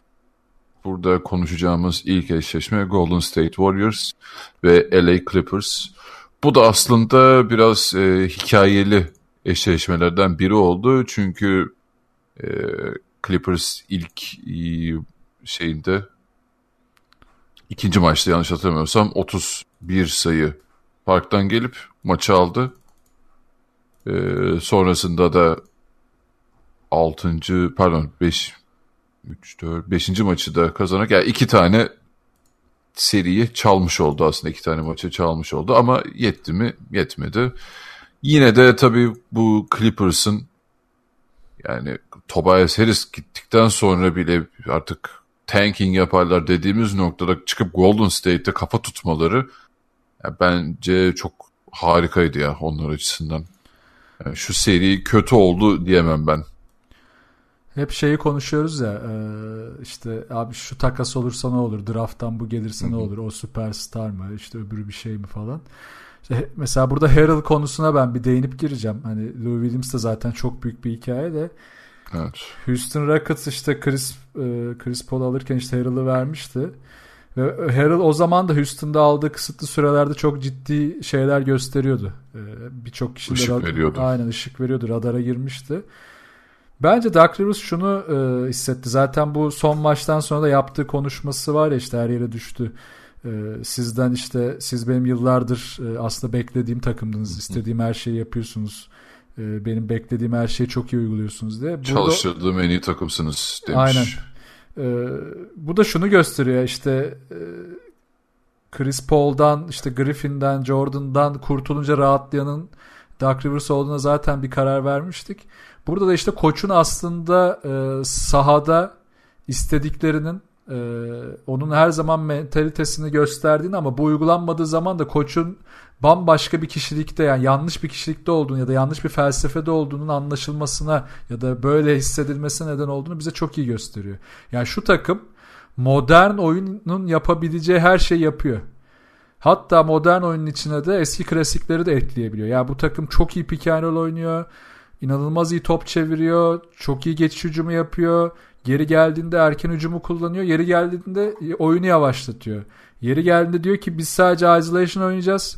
Isolation'da oynarken bile bir pick and roll yaratabiliyor vesaire vesaire. Çok e, yönlü, çok özellikli bir takım oldu Clippers. Ha, ulan bu kadar övüyorsun adamlar elendi ama evet yani bu aslında şeyden yani belli bir kalite sınırından dolayı elendi belli bir yetenek sınırından dolayı elendi. Yani Golden State ilk maçı aldığında ben şu korkuya kapılmıştım aslında. İlk maçı çok rahat geçti Golden State. Baya hani Curry çok formda çok parçaladılar. Hı hı. Dedim hani böyle oldu ama biz bunu geçen sene biraz yaşadık. Golden State bu kadar iyi başlayınca e, bir seriye ki Clippers'ta da cezalandıracak oyuncular var. Birazcık rehavet olduğunda çok hızlı maç kaybedebiliyorlar. Ki e, ikinci maçı 4 sayıyla kaybettikleri diğer maçı da aslında hani 8 sayı gözükse de son bölümde kaybettiler yine. E, bunlara da bunun da işte bu cezaları kesebilmek Clippers'ın bu çok yönlülüğünden. Yani sadece e, işte Lou Williams'ın çıkıp e, 50 atmasından ya da Harrell'ın mükemmel pick and roll oynamasından değil. Bütün takım olarak mükemmel bir seviyedelerdi. E bu mükemmeliyet işte %100 de oynadıklarında Golden State'ten iki maç çalabiliyor. O da ayrı bir konu. Hı hı. E, o yüzden çok takdir etmek lazım yani. yani e, benim bu e, playoff'ta demin de bahsettim. En sevdiğim hikayelerden biri oldu. Clippers'ın bu takım hali. Birçok kişiye de iyi bir mesaj olmuştur umarım. Valla zaten e, daha önceki Clippers değerlendirmelerimizde söylüyordum ben. Hani gerçekten iyi bir çekim merkezi yarattılar ben. Yani gel abi buraya gel. Yani evet. nerelere gideceğimiz çok belli mesajını verdiler. Yani contenter takım olacaklarını mesajını çok iyi verdiler. Sen Lou Williams ve Montez Harrell e, yani gerçekten harika bir seri çıkardılar. Bu arada Montez Harrell'la ilgili şöyle bir tweet gördüm. Çok güldüm ona. Yani adam her pozisyonu öyle bir oynuyor ki sanki fidyeciler yani şey e, ailesini kaçırmışlar ve fidye olarak kabul edebilecekleri tek şey basket. Onu galiba maçta söyledi bu arada ya sunucu. Öyle mi? Ya ben Twitter'da gördüm. Yani ya gerçekten hayatının son pozisyonuymuş gibi oynuyor her pozisyonu. İnanılmaz bir istek, inanılmaz bir efor. E, Lou Williams yani o kadar absürt bir seri geçirdi ki ya inanılmaz şeyler soktu. Bu arada tabii son e, maçta bayağı düştü o da. Normal. Ee, ben e, bu maçın hikayelerinden biri Patrick Beverly'dir. Hani kafası kırık bir arkadaşımız olduğunu zaten herkes biliyor. Ben hani Curry'i sindirir derken e, bütün şey e, şehre savaş açtı adam neredeyse yani. Durant'le falan kapışmaları ki bu arada maçtan sonra da sarılmışlar. Öyle pozlarını gördüm. Evet ya. Güzel işte abi yani saha içinde bu sertliği yaratıp e, o karşılıklı trash talk'u yarattıktan sonra bile dışarıda böyle kalmak büyük iş. Çünkü şeyin farkında abi adamlar yani sahada çünkü bunu Durant de yapıyor. Ya Beverly bunu keyfinden yapmıyor ki. Beverly de orada Hı-hı. bir strateji içerisinde yapıyor. Yani bu işi yani pisliğe dökmediğin sürece yani rakibine bir sakatlık yaratacak Hı-hı şekilde saçmalamadığın sürece okey yani bir sorun yok. Ee, şeylere kesinlikle değinmek gerekiyor. Şamet ve Şahicilius evet. Alexander'a yani bu kadar tecrübesiz iki oyuncunun bu seriyi Golden State gibi şampiyon takıma karşı böyle oynamaları çok takdire şayandı bence. Çok ileriye dönük çok fazla ışık verdi o ikisi de. Kesinlikle. Ee, Doug Rivers'ın işte Jermichael Green hamlesi Zubas'ı kenara alıp onu öne sürmesi yine bir e, hani iyi coaching tarafıydı. Ama biraz da Golden State tarafına gelirsek abi herkes bu kadar mı formda olur ya? bu arada şeyi bahsedeceğim abi. İyi yöneticilik böyle oluyor işte bak. Golden State kadrosunda sezon başına itibaren artı bir şeyini açık bıraktı slotunu imzalatmadılar. Ve abi Bogut'un sezonu bitince direkt onu imzaladılar. Evet. Ve katkısını gördük.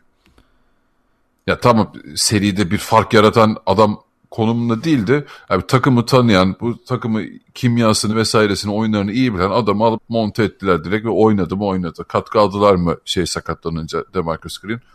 Allah abi, bu benim gözümde iyi yöneticiliktir yani gerçekten. Yani çok fazla kötü örneğini konuşuyoruz. Eleştirdiğimiz takımlar çok oluyor. Bu da abi iyi yöneticilik örneğine ben bir değinmek istedim orada. Ya, potansiyel riskleri yönetmek de başka bir konu işte. Risk yönetimi evet olduktan sonra riski ya da e, şeyi e, oluşabilecek krizi yönetmek başka bir şey. Potansiyel krizleri de riskleri öngörüp yönetmek de başka bir şey. E, bu arada şeyi konuşmamız gerekiyor Kevin Durant'i. Hani e, ilk ma- iki maçta sanırım bayağı bir eleştirildi Kevin Durant hani yeteri evet. kadar top kullanmıyor. Sadece çember savunmasında odaklanmış durumda ya da takımı oynatmaya çalışıyor falan. Yani, tarihin gördüğü en büyük skorerlerden birisin sen. Ne yapıyorsun modundaydı.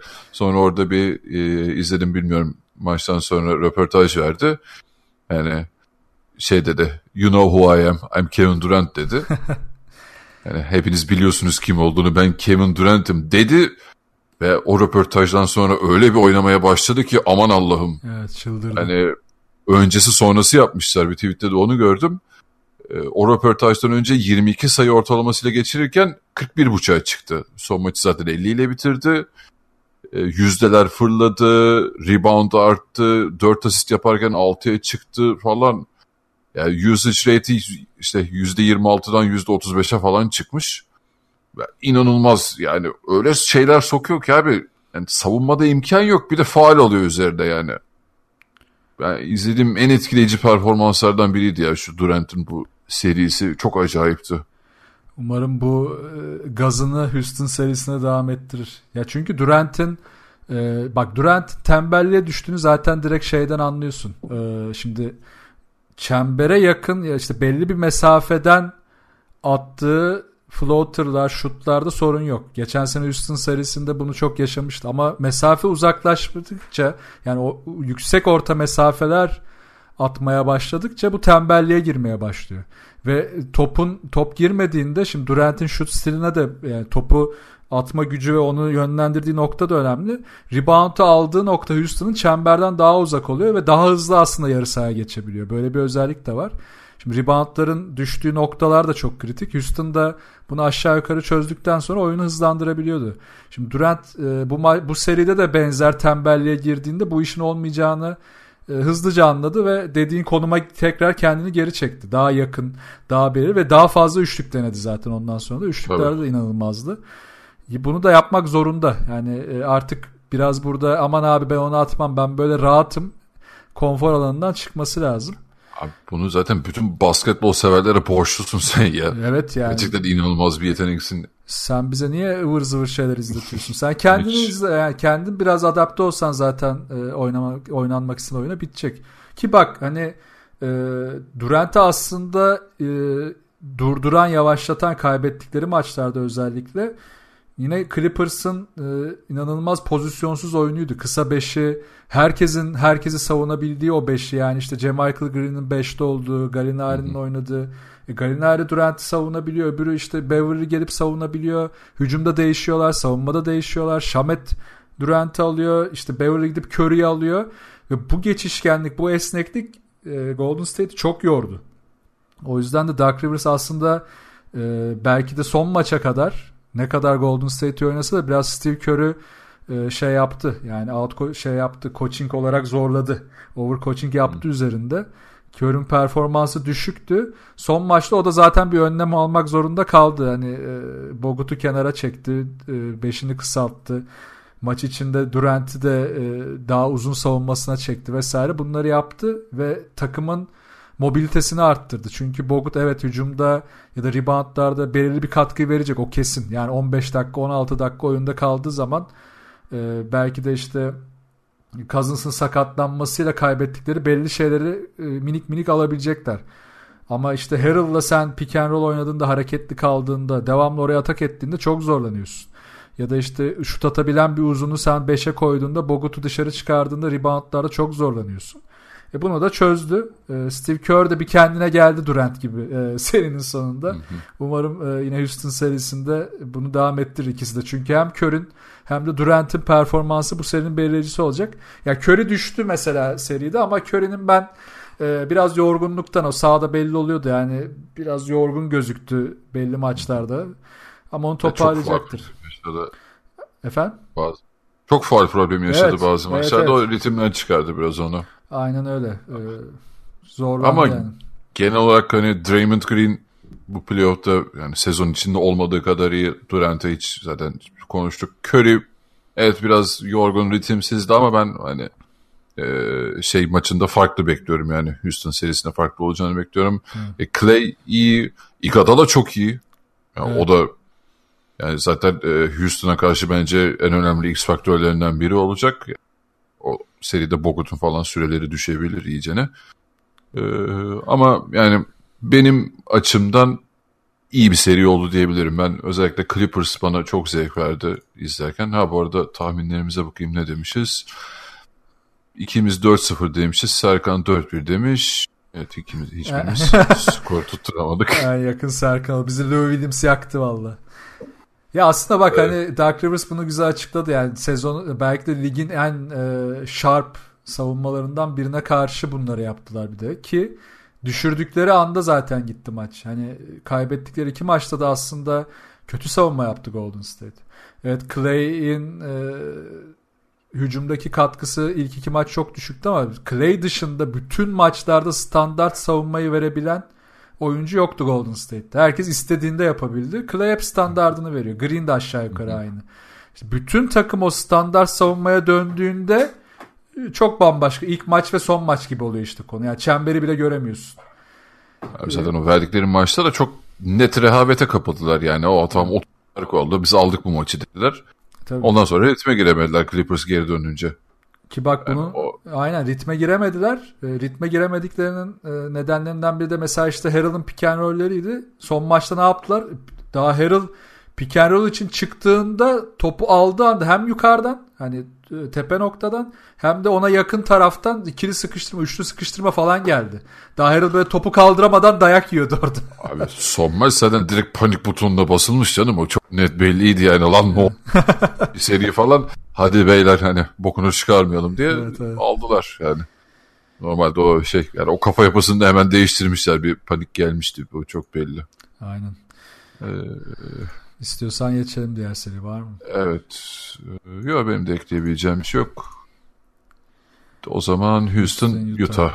Aha. Yine 4-1 biten bir seri oldu. Yani ben e, şeyle başlatayım sana. Ben sezon başında, ortasında, sonunda her yer her e, Utah konuştuğumuzda şeyden yanaydım biliyorsunuz. Utah takas lazım, bir oyuncu katmak lazım.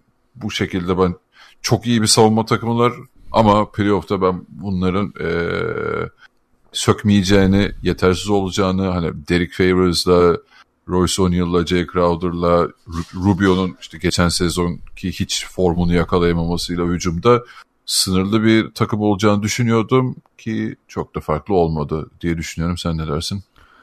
Ya kesinlikle. Bunu Rubio'da çok hissetmedik mi ya? Yani Rubio bu takasın malzemesi olmadığı için yani olası, ya, olası bir takasın çok zarar verdi. Yani geçen sene evet bir form yakalamıştı. E, hatta onun yokluğu, sakatlığı e, Houston serisinde yine o seride e, sorundu e, Utah için ama bu seri artık yani sahada olduğu her an neredeyse zarar verdi takıma. Şimdi tepede oynuyor, e, şut tehdidi düşük, alanı daraltıyor. E, drive ediyor, evet yani drive'larda doğru noktayı yakalarsa ya da işte biraz doğru spacing varsa skora gidebiliyor ama e, onun dışında biraz ortaya girdiğinde ya da floaterları zorladığında yine saçmalamaya başlıyor. Ya bir türlü olmuyor ve takıma çok ciddi zarar. Savunma da zaten berbattı. Bak hani e, bütün sezon bu konuşuldu. Sonlara doğru daha doğrusu pardon. İşte Harden'ı nasıl savunacaklar? Solunu kapatma. İşte Abi bunu- o şey onu soracaktım ben de. Tam solunu kapat biraz yönlendir de. Abi Rubio direkt arkasına geçti. evet abi işte. O nasıl bir savunma abi? Hani Abi- sanki Harden floater atamıyor mu yani? Elimi kırık herifin. arkasını kapatma savunması yaptı. Abi ben arkasını kapatırsam çok rahat savunabiliriz. kaçacak bir yeri kalmıyor Harden'ın arkasında. Komik geldi bana gerçekten anlamadım. Yani ben mi anlamıyorum diye bir düşündüm arkasında durmak nedir ya? Nereye yönlendiriyorsun ki arkasında durunca? İşte geri zekalıca ya. Çok çok kötüydü gerçekten berbattı. Ya bak orada bir de hatta işte ona gelecektim aslında. Utah'ın da ilk e, maçlarda çözemediği konu oydu. Şimdi oyuncuyu yönlendirme savunması tek boyutlu bir savunma olamaz zaten. Bunun en az 3 boyutu var. Şöyle mesela O'Neal yaptığında bu savunma çalışıyor. Çünkü O'Neal önce şunu yapıyor. Abi, belli bir açıyla solunu kapatmalısın. Yanında durmanın bir anlamı yok. Dikkat et O'Neal e, Harden'ı savunurken biraz daha açı vererek savunuyordu. Yani hafif böyle e, tam yanında 90 derece değil de 75 derece 70 Tabii derece. tabii Bucks da öyle yapıyordu yanlış hatırlamıyorsam. Aynen Bucks da onu denedi. E, ikinci konu sürdüğün taraftaki savunma. Mesela boyalı alanda Gober ilk maçta berbat oynadı. Yani boyalı alanda 62-42 üstündü Houston. Ama as- esas konu şu işte birinci boyutu yaptın. Harden'ı sürdün ortaya ya da işte forvette aldığı için kenara sürdün. Neyse yani pozisyona bağlı. E burada sen şimdi ortayı kapatman lazım. Gober bunu hiç kesemedi, hiç kapatamadı. Biraz favors alınca o işe yaradı. E, ikinci boyutu çalıştırdılar ama yine de faydalı olmadı. Üçüncü boyuta geliyorsun ondan sonra. Diyelim ki Gober iyi savundu. Bunu e, yine sanırım üçüncü ya da dördüncü maçtı. Şu an net hatırlamıyorum. O maçta e, Gober ortayı kapatmaya başladı. Bu sefer üçüncü boyut devreye giriyor. Gober'in savunduğu oyuncu işte kim Capela. Capela boş kalıyor. Capela'ya da yardım getirmen lazım top tarafından. E, yani şey topun dönebileceği güçlü taraftan. Güçlü taraftan yardım getirmezsen bu sefer de Capela boş kalıyor. Ne yapıyor? Harden asist yapmaya başlıyor. Dördüncü boyuta da girebilirsin hatta burada. E, ortayı kapattın, kapelayı kapattın. Bu sefer köşedeki şütör boş. Orada da işte tepedeki kaymayı doğru yapıp köşe şütörüne yetişmen lazım savunmayı ortalayarak. Bunda genelde e, Mitchell fena yapmadı. Rubio yine beceremedi. E, ya da işte Harden'ı biraz daha baskılı Favors'la beraber e, pas açısını kapatıp o pasa hiç izin vermediler. Ya bu savunmayı çalıştırmak çok zor. Ya solunu kapattım Harden'ı çözdüm gibi bir şey olamaz. Bu savunmanın 3-4 boyutunu doğru yapmanız lazım. Bunda Rubio varken e, Utah hiç beceremedi. Quinn Snyder hocamıza da burada biraz sistem etmemiz lazım. Bunda biraz gereksiz ısrar etti belli bir seviyeye kadar. Keşke ısrar Zaten etmeseydi. Girdi girdi attı ya da zaten Aynen. Rockets'ın oyun planı belli abi. Köşede 50 tane adam bekliyor zaten atmak için hazır bulunan. Hepsinden de şey, şey skor üretebiliyor Rockets zaten. Oyun planı bunun üzerine. O yüzden bana da çok anlamsız mantıksız geldi bu şey savunma düzeni. Çok mantıksızdı. Bir tek 3. maçta iyi iyi çalıştırabildiler. Biraz da 5. maçta ama 3. maç işte e, belki 3. maçı alsalardı e, o zaman başka şeyler konuşuyor olabilirdik. Daha iddialı bir seri görebilirdik ama 3. maç bu serinin kırılma noktası oldu. Abi zaten Caz'ın üçlük yüzdesi bu seri boyunca neydi? Yani 25 falan mıydı? Hemen bakalım. Ee, bakıyorum. Yani maçlara şimdi tek tek bakınca işte 25, 21, 29, Aslında kötü. 31. Evet bak bakıyorum y- %26. %26 ile üçlük atmışlar bütün seride. Baya Yani. kötü. Çok kötü yani. Bayağı kötü. Ve takımın en yüzleri atan oyuncusu da kim? Royce O'Neal. Ha, zaten öyleyse geçmiş olsun Evet. abi. Donovan Yani. Mitchell %25 ile attı. Rubio %20 ile attı. Çok kötüydü. Ya Mitchell bak hani Mitchell için şey diyebiliyorum. Yani ne olursa olsun Mitchell çok genç. Mitchell e, ilk iki sezonunda bu seviyede iki tane playoff serisi yaşadı. Onun için büyük bir tecrübe. E, ama işte takım kontrolünü alabilecek durumda değil hala. Yani kontrolü alabildiğinde bir şeyler olabiliyor. Bu kontrolden kastım skor üretmesi değil. Yanlış anlaşılmasın. Yani takımı komple kontrol etmekten bahsediyorum.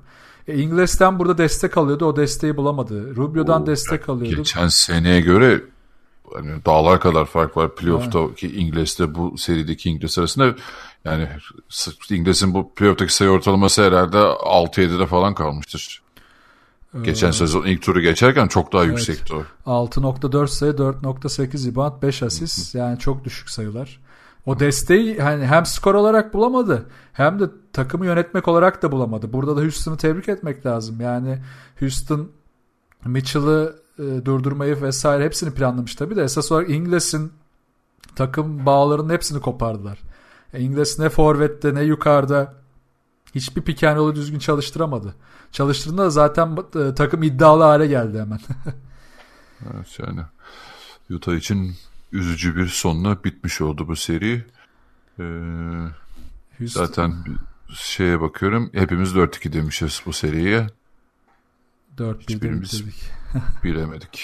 Bak geçen sene mesela not almışım. İngiliz geçen sene %45 ile üçlük atıyormuş. Yani fark ortada abi. Yani %45'ten %20'de 27'lere gelip bu kadar düşük üretim olunca e, yük çok fazla Mitchell'ın üstüne bindi. Yani bu kadar canım. genç bir oyuncunun üzerine sen bu yükü bindirirsen e, verim alamazsın oyuncudan. Abi daha biz bundan geçen sezon bahsediyorduk zaten hani Mitchell'ın üzerine kalıyor her şey diye ki o zamanlar daha değerli topluydu. Yani geçen seneki playoff'ta daha değerli topluydu en azından Utah.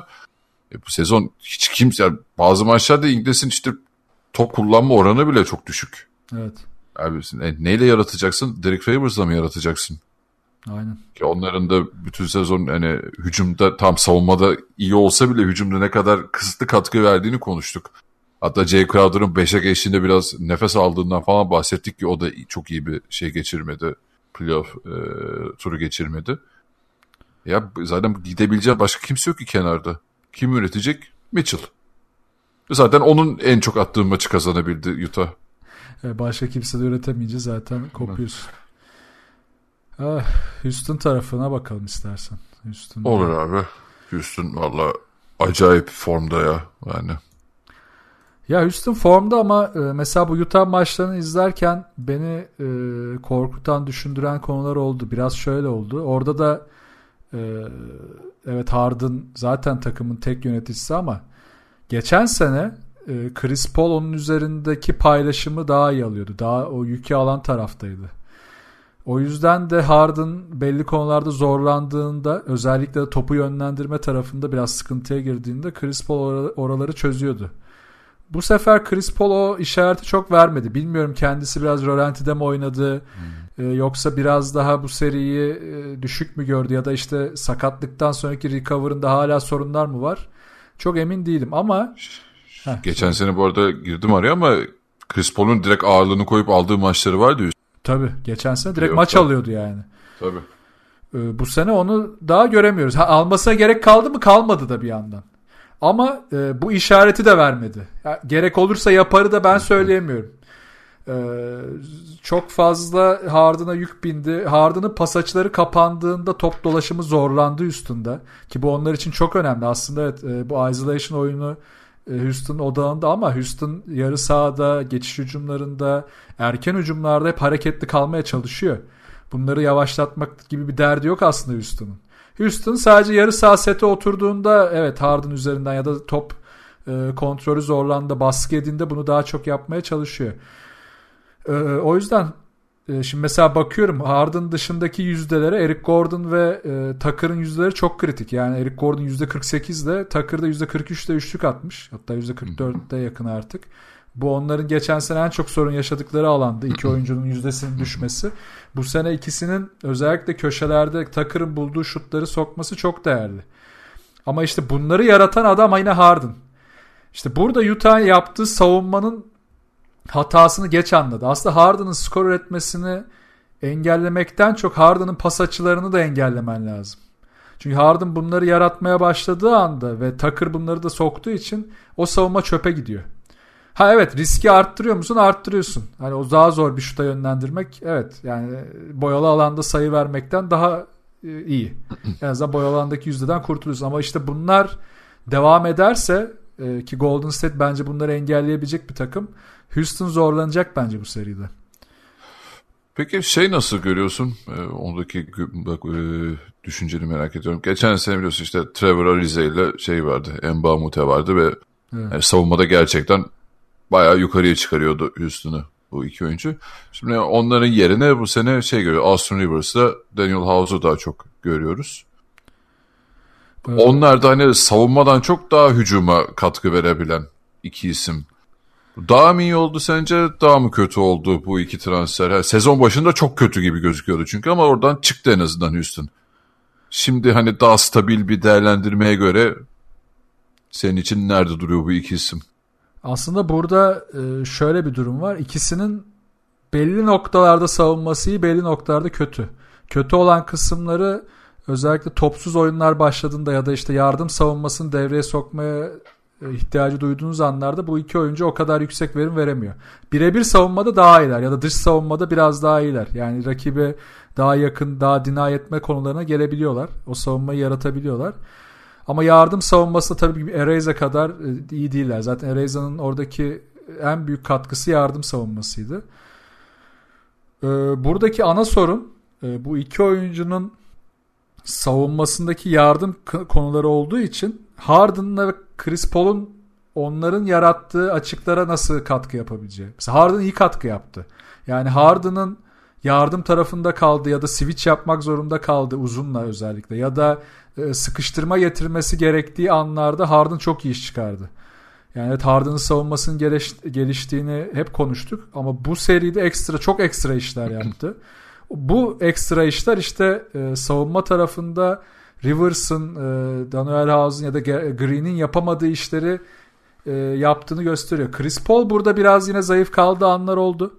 Ama yine de yardımda fena iş çıkarmadı. Ama beklediğimiz Chris Paul'daki kısa baskısını henüz göremedik.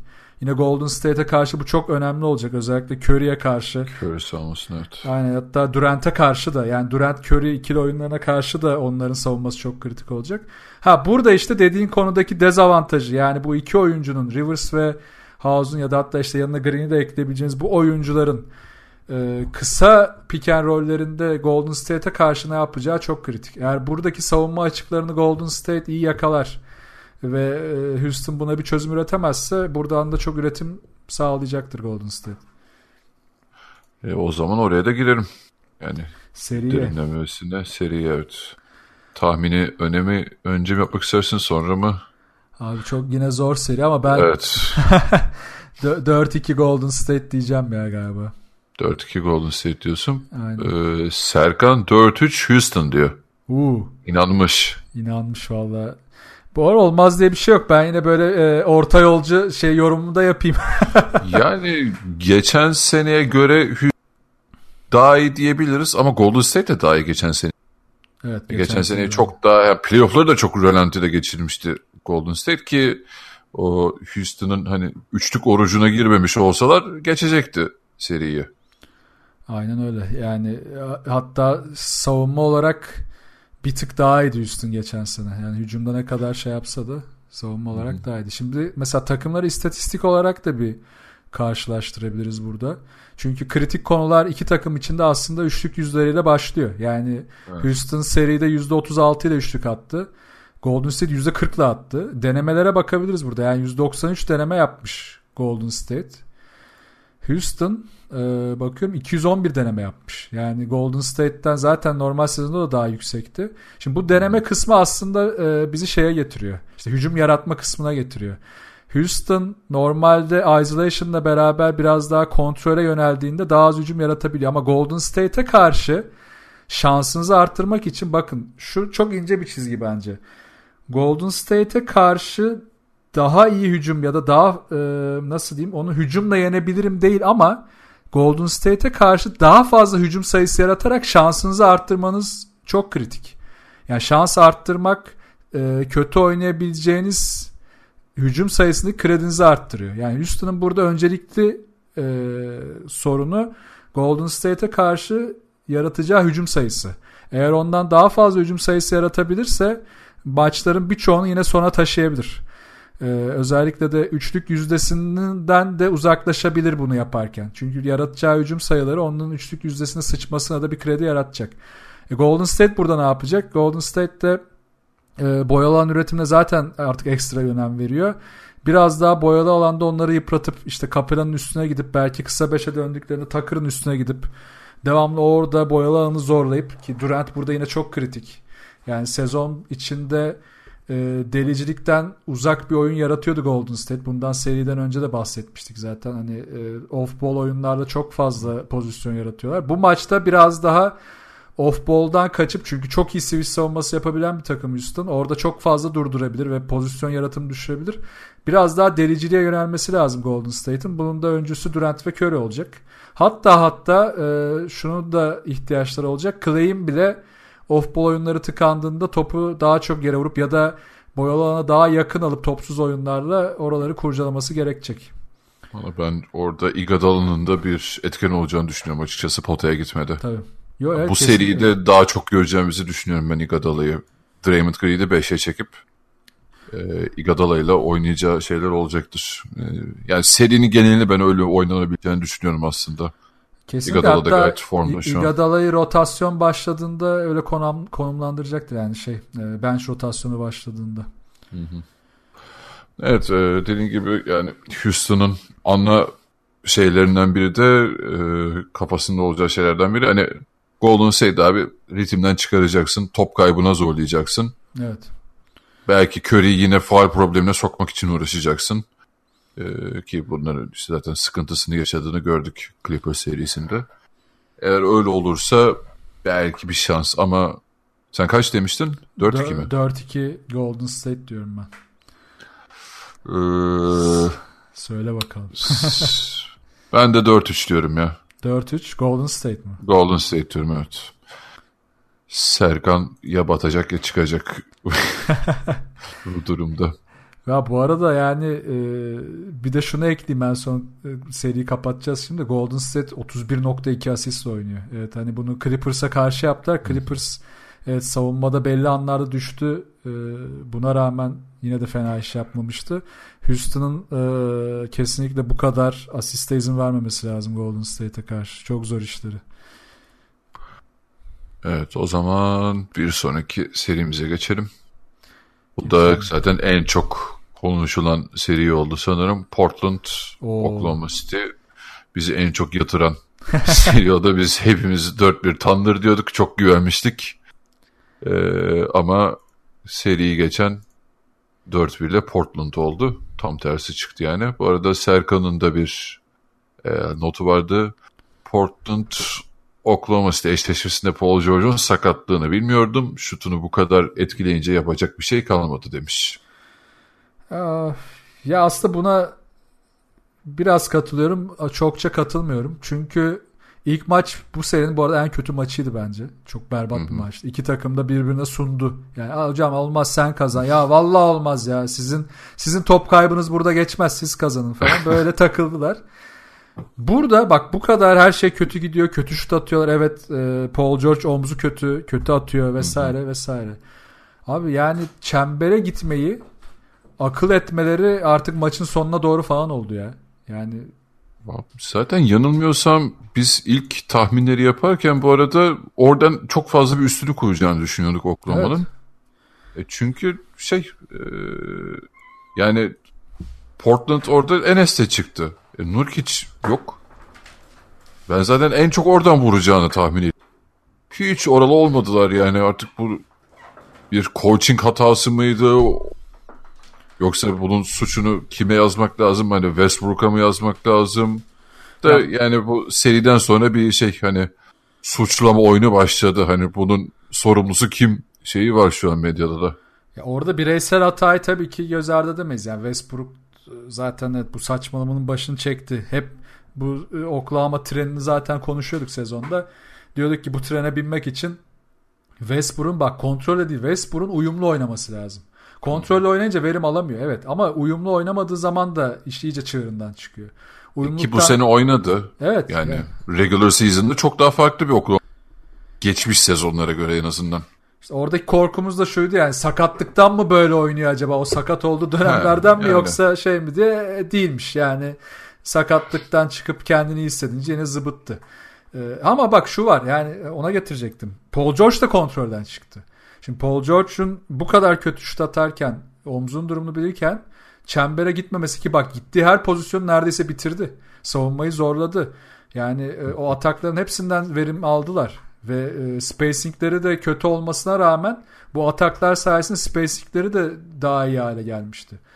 Peki burada sıkıntı ne? E, sıkıntı şu abi. Billy Donovan e, bu e, bence sıfatı üstüne aldı. Normal sezon koçu, playoff koçu e, sıfatına en uygun hak eden koç oldu bu sezon özelinde. Yani normal Hı. sezonda aldığı bütün övgüleri burada çöpe attı.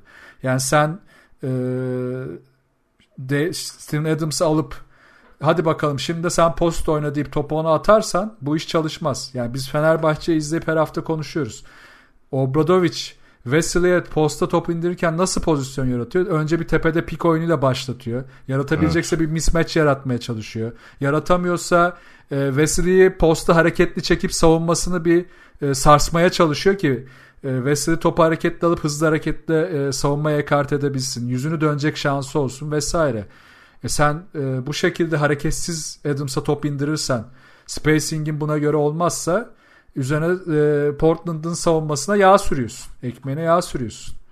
Ya Donovan bence çok fena çuvalladı oyunculardan bir yana. E, böyle olunca da Oklahoma ilk maçta ilk maçı bak yine alabilirdi bu kadar olumsuzluğa rağmen. Ya Portland ilk maçta o serinin kalanındaki Portland gibi de değildi. Ha bir şekilde aldılar ama sonraki maçlar evet yani sonraki maçlar Lillard'a yazar. Yani Lillard'a, CJ McCollum'a hepsine yazar. Yani hem takım olarak takım savunması olarak hatta Lillard'a ben burada bu kadar takılan biri olarak benim e, övmem lazım. E, Westbrook'a yaptığı savunma, e, getirdiği yardımlar, sıkıştırmalar sonunda yaptı yani. Bak sonunda kaç sene sonra Lillard bu seviyede bir savunma yapabileceğini gösterdi. Umarım devam ettirir. Çünkü onun kritik olduğunu da anlamıştır diye düşünüyorum. Yani seriyi getiren olaylardan biriydi. Şey görüşüne katılıyor musun bu arada? Ee, Lillard seriye almak için oynadı. Westbrook Lillard'ı yenmek için oynadı. Buna katılıyorum ya aynen. Bu çok belliydi yani. Hele son maç. Son maç çok belliydi. son maç o kadar saçmaladı ki Westbrook. Ya süreyi kullan bari yani. 24 saniye süresinin 14. saniyesinde top atmaya çalışıyorsun. Ee, öndesin. Maçı tutuyorsun. 15-20 sayıya çıkarmışsın. Sıcak oyuncu Schroeder. Schroeder'i bulmuyorsun. Çok kötüydü yani orada. Kesinlikle Ki, o didişmeye girdi bu sezon hani Oklahoma'yı övdüğümüz dönemde Westbrook'un şöyle bir açıklaması vardı. Sağdaki sıcak oyuncuyu, sıcak eli bulmak benim görevim. Demişti. Yine seri sonunda geldiğimiz nokta işte Allah Allah diye ya potaya uzaktan alakasız şutlar atan ki gayet kötü bir e, şut formu vardı seri boyunca ya da işte potaya gidip hiç yani etraftaki takım arkadaşlarına tamamen uyumsuz kopuk bir şekilde oynamaya çalışan bir Westbrook. Yani tam dejavu gibi oldu yani böyle göz kapadım. Son 200 senedir nasıl ilk turda sürekli eleniyorsa Oklahoma yine aynı şeyi izler noktaya geldik.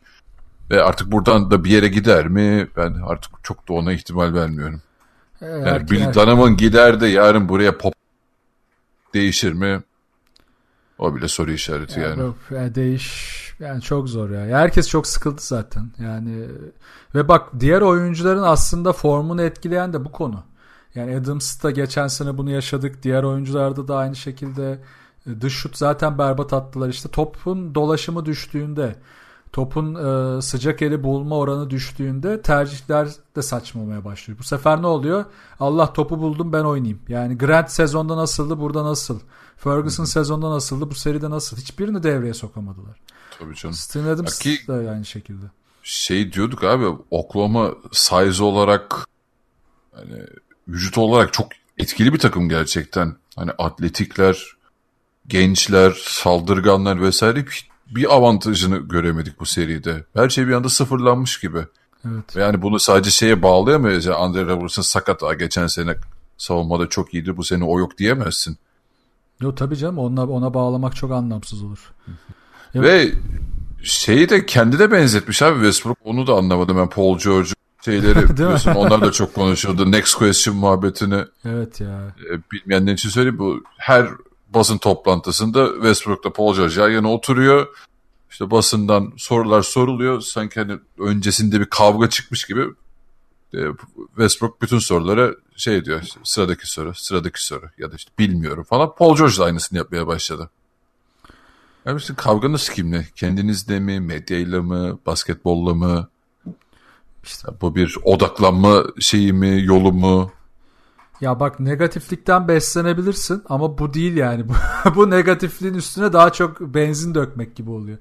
Negatiflik üzerine negatiflik yaratmak oluyor. Yani ben de anlayamadım ya. Bu yani Donovan kontrolü bazı noktalarda almış diye düşünüyordum. Hatta daha doğrusu almış değil de Westbrook ve Paul George vermiş gibi düşünüyordum. Vermemişler. Bu vermedikçe de muhtemelen e, oyun içindeki be- belli ikilikler işte sıkıntılar da sağ dışına böyle basın toplantılarına yansımaya başlamış. Şey olsa anlarım bak bütün seri boyunca Portland favori gösterilmiştir. Sen underdogsundur ki aslında tam tersi Oklahoma favori gösteriliyordu bu seri için. Yani şunu son maçtan sonra Damian Lillard yapmış olsa bak bütün seri boyunca eleştirildi ama çıktı son maçı aldı, seriyi kazandı.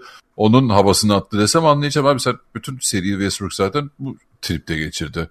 Paul George da demek ki buna uyumluymuş. O da öyle geçirdi. Ya abi böyle rezil olursunuz işte yani. Çok Ve şeyi gördüm mü bilmiyorum. Westbrook demiş ki bir iki gün önce seneye çok daha iyi şut atmalıyım. Senin yani bütün seriden çıkardığın sonuç buysa zaten. Ee, hocam savunmada rezil oldun ya. Bir de onu konuşsaydık keşke. Yani o kadar rezil oldu ki bir beşinci maçtı galiba artık. Yani her şeyi Westbrook'un üzerine mismatch yaratıyorlar oraya ve- veriyorlar. Post up'ta yaratıyorlar oraya veriyorlar. Karşısına Enes geliyor rezil ediyor. Lillard geliyor rezil ediyor. McCollum geliyor rezil ediyor. Yani Lillard karşında bu kadar iyi savunma yapıp seni rezil etti. Sen savunmada hiç yanıt veremedin. Bir de e, e, ikinci maçtan sonra bir de özür dileme muhabbeti de vardı sanırım işte. Tamam kötü savunma yaptım düzelteceğim falan. Ha, düzelttin gördük yani hala şut atmalıyım diyor. Sen şut atma zaten. Sorun o. Senin şutunu düzeltmen sorun değil ki. Senin o şutları e, gereksiz şutları atmaman lazım önce. Sonra yüzdene bakarız. çok üzücü. Yani Yani, evet. Çok- yani kendinin farkında olmamak çok üzücü. Yani bak Lillard bunu çözdü işte. Bak Lillard'ı ürettiği skor, attığı üçlükler üzerinden çok konuştuk ama Lillard'ın iyi yaptığı en önemli iki şey biri savunmaydı. İkincisi de doğru seçimdi. Lillard eskiden de bu şutları sokuyordu. Eskiden de bu abuk subuk maçları alıyordu. Ha bu seviyede alıyordu alamıyordu. Evet az alıyordu belki. Ama doğru tercihleri yapamıyordu. Şimdi doğru tercihleri yapmaya başladıkça ki bak çok kötü oynadığı anlar oldu bu seride. Yani gözünün önüne getir e, çembere gidip saçma sapan Ee, blok yediği, topu kaptırdığı, baskı yiyip etrafını göremediği anları yine yaşadı ama daha düşüktü. %50 yaşıyorsa %20 yaşadı. Seçtiği şutları %60 e, kötü seçiyorsa %40 kötü seçti. Bu bile fark yarattı hemen. O yüzden ben Lillard'ı takdir edecek noktaya geldim. Yoksa yine e, bütün yaptığım eleştirilerin arkasındayım yani Lillard'a karşı. Yani hem Lillard hem McCollum yani ikisi evet, de gerçekten tabii, yani seviyeyi atladılar bu seriyle onu söyleyebiliriz. Ee, sen o kötü şut tercihlerini demişken orada da değillerim. Lillard'ın evet. o artık tarihe geçecek son şutu e, attığı buzzer beater. Paul George çıkıp dedi ki kim ne derse desin umurumda değil kötü bir şuttu dedi. Ama diğer yandan da tabii istatistikler bir gerçek var ki yani Lillard o şutları belki de ligde en iyi atan adamlardan biri. Ki seriyi öyle açtı zaten. Ve öyle bitirdi. İlk Ama... attığı şut değil. Yani sen de katılıyor musun burada? Ya da hangi taraftasın? Ya orada şey farkı var aslında coaching tarafında. Kötü şut, kötü tercih. Şimdi kötü şut başka bir şey, kötü tercih başka bir şey. Buna kötü tercih diyebilirsin. Neden? Çünkü maç berabere. Ee, senin daha yakın mesafede yaratabileceğin e, bir drive, belki çembere gitmek, belki bir şut sana avantaj yaratabilir. Peki bu kötü tercihi ortadan kaldırıp bu şutu iyi şut yapan ne? Bunu Lillard'ın atıyor olması. Şimdi Lillard bunu atabilir, Curry bunu atabilir. Ee, yine işte o mesafeden ne? Belki Clay bile atabilir. Anlatabildim mi? Ya bu oyuncular, Trey Young atabilir. Ha, Trey Young atabilir. Bir sürü seçenek var. Şimdi bu oyuncular atabiliyorken buna kötü şut diyemezsin. Yine tercihi sorgulanabilir. Dersin ki hani belki de süreyi biraz daha iyi kullanabilirdi. Ee, yakın biraz daha yaklaşabilirdi. Belki e, işte Chris pardon, Paul George'un savunmasını sarsacak bir crossover ya da işte bir backstep bir yapabilirdi. Handoff falan olabilirdi. Aynen. Ha ya da ya da bunları tartış bunlar hepsi tercih. Ama kötü şut dersen yanılırsın. Yani kötü şut e, Doğuş Balbay atarsa kötü şut orada. yani e, Lillard atınca kötü şut olmaz o. Ha tercihini sorgularsın dediğim gibi. Evet yani ben de tercih olarak çok garip buldum. Çünkü izlerken herhalde herkese yani süreyi çok uzak bir noktada eritip yine çok uzak bir noktadan böyle yana doğru adımlayarak o şutu atması yani iyi tercih denemez buna. Ama Lillard atarken yani bu arada şey Paul George kötü savunma da yapmadı. Hani böyle daha çok daha fazlasını yapabilir miydi? Büyük ihtimalle Paul George de bence şeydi hani daha yakından bitirip bit, e, bitireceğini düşünüyordu. Ama Evet yani belki biraz daha dibine girebilirdi onu yapmadı.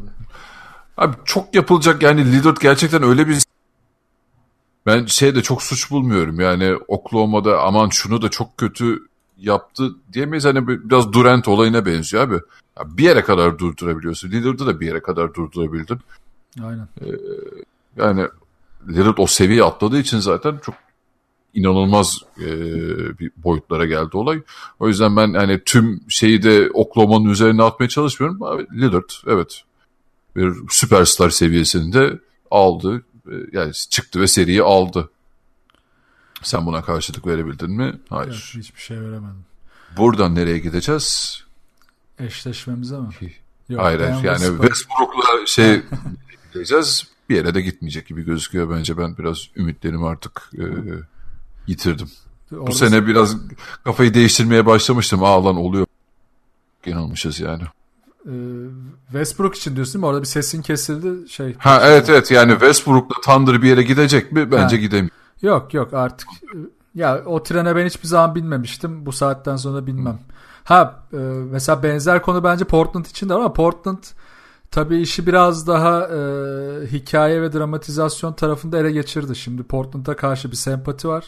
Oklahoma ile eşleşmeleri de onlar için iyi oldu. Belki de Portland e, işte başka bir takımla eşleşse ve kay, yani eşleşseydi kaybetme şansı yüksek olacaktı bu seri üzerinde. Ama Portland onlar için biraz da piyango oldu. Bu pardon Oklahoma.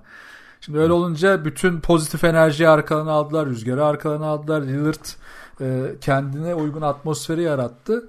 Mesela Westbrook bunu da yaratamıyor işte. Westbrook ne yaparsa yapsın hep bir olumsuzluk. Yani bunu da hep o yaratıyor.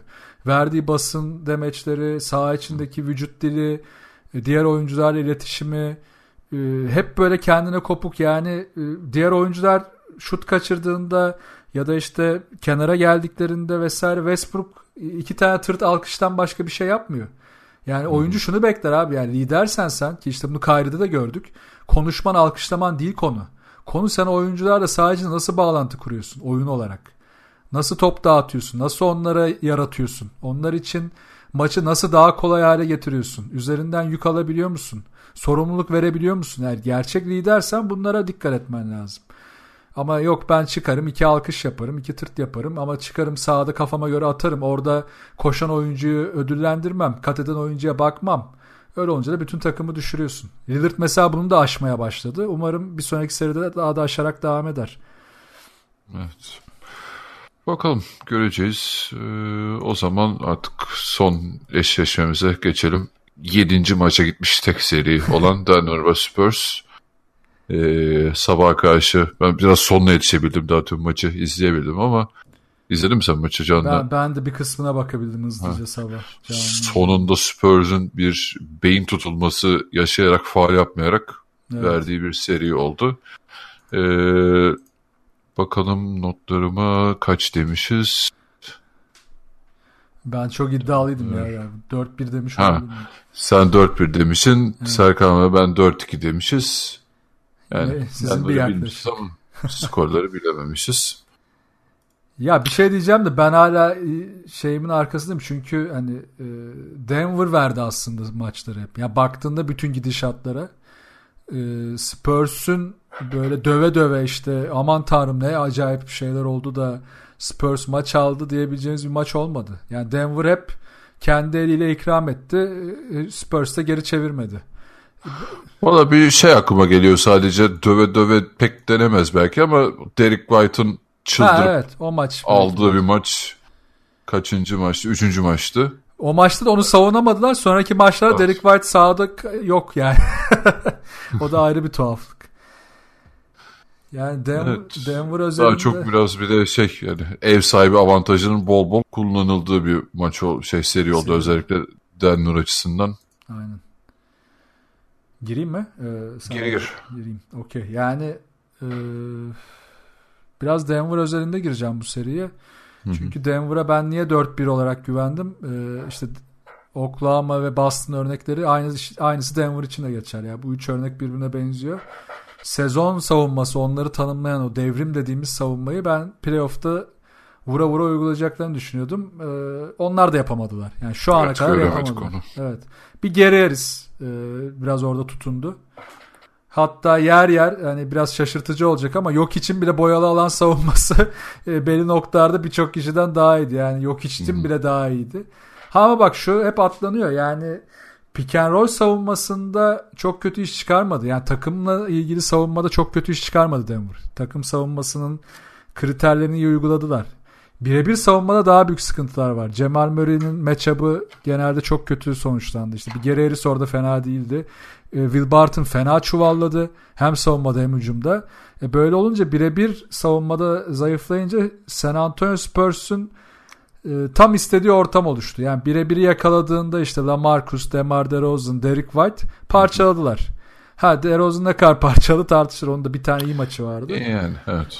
Bir tane de Derek White iyi maç oynadı. E bunlar ama yine işte Denver'ın onlara sunduğu biraz e, ballı börekler oldu yani. Onları buldukları için bu e, oyunları ortaya koyabildiler.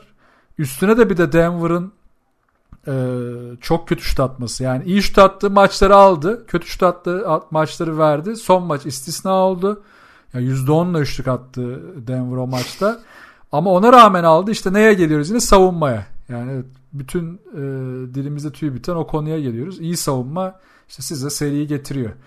Ha Spurs iyi savunma yapmadı mı? Aslında stratejik olarak iyi bir savunma kurgusu yarattılar. İşte yok hiç posta top aldığında sıkıştırma getirdiler.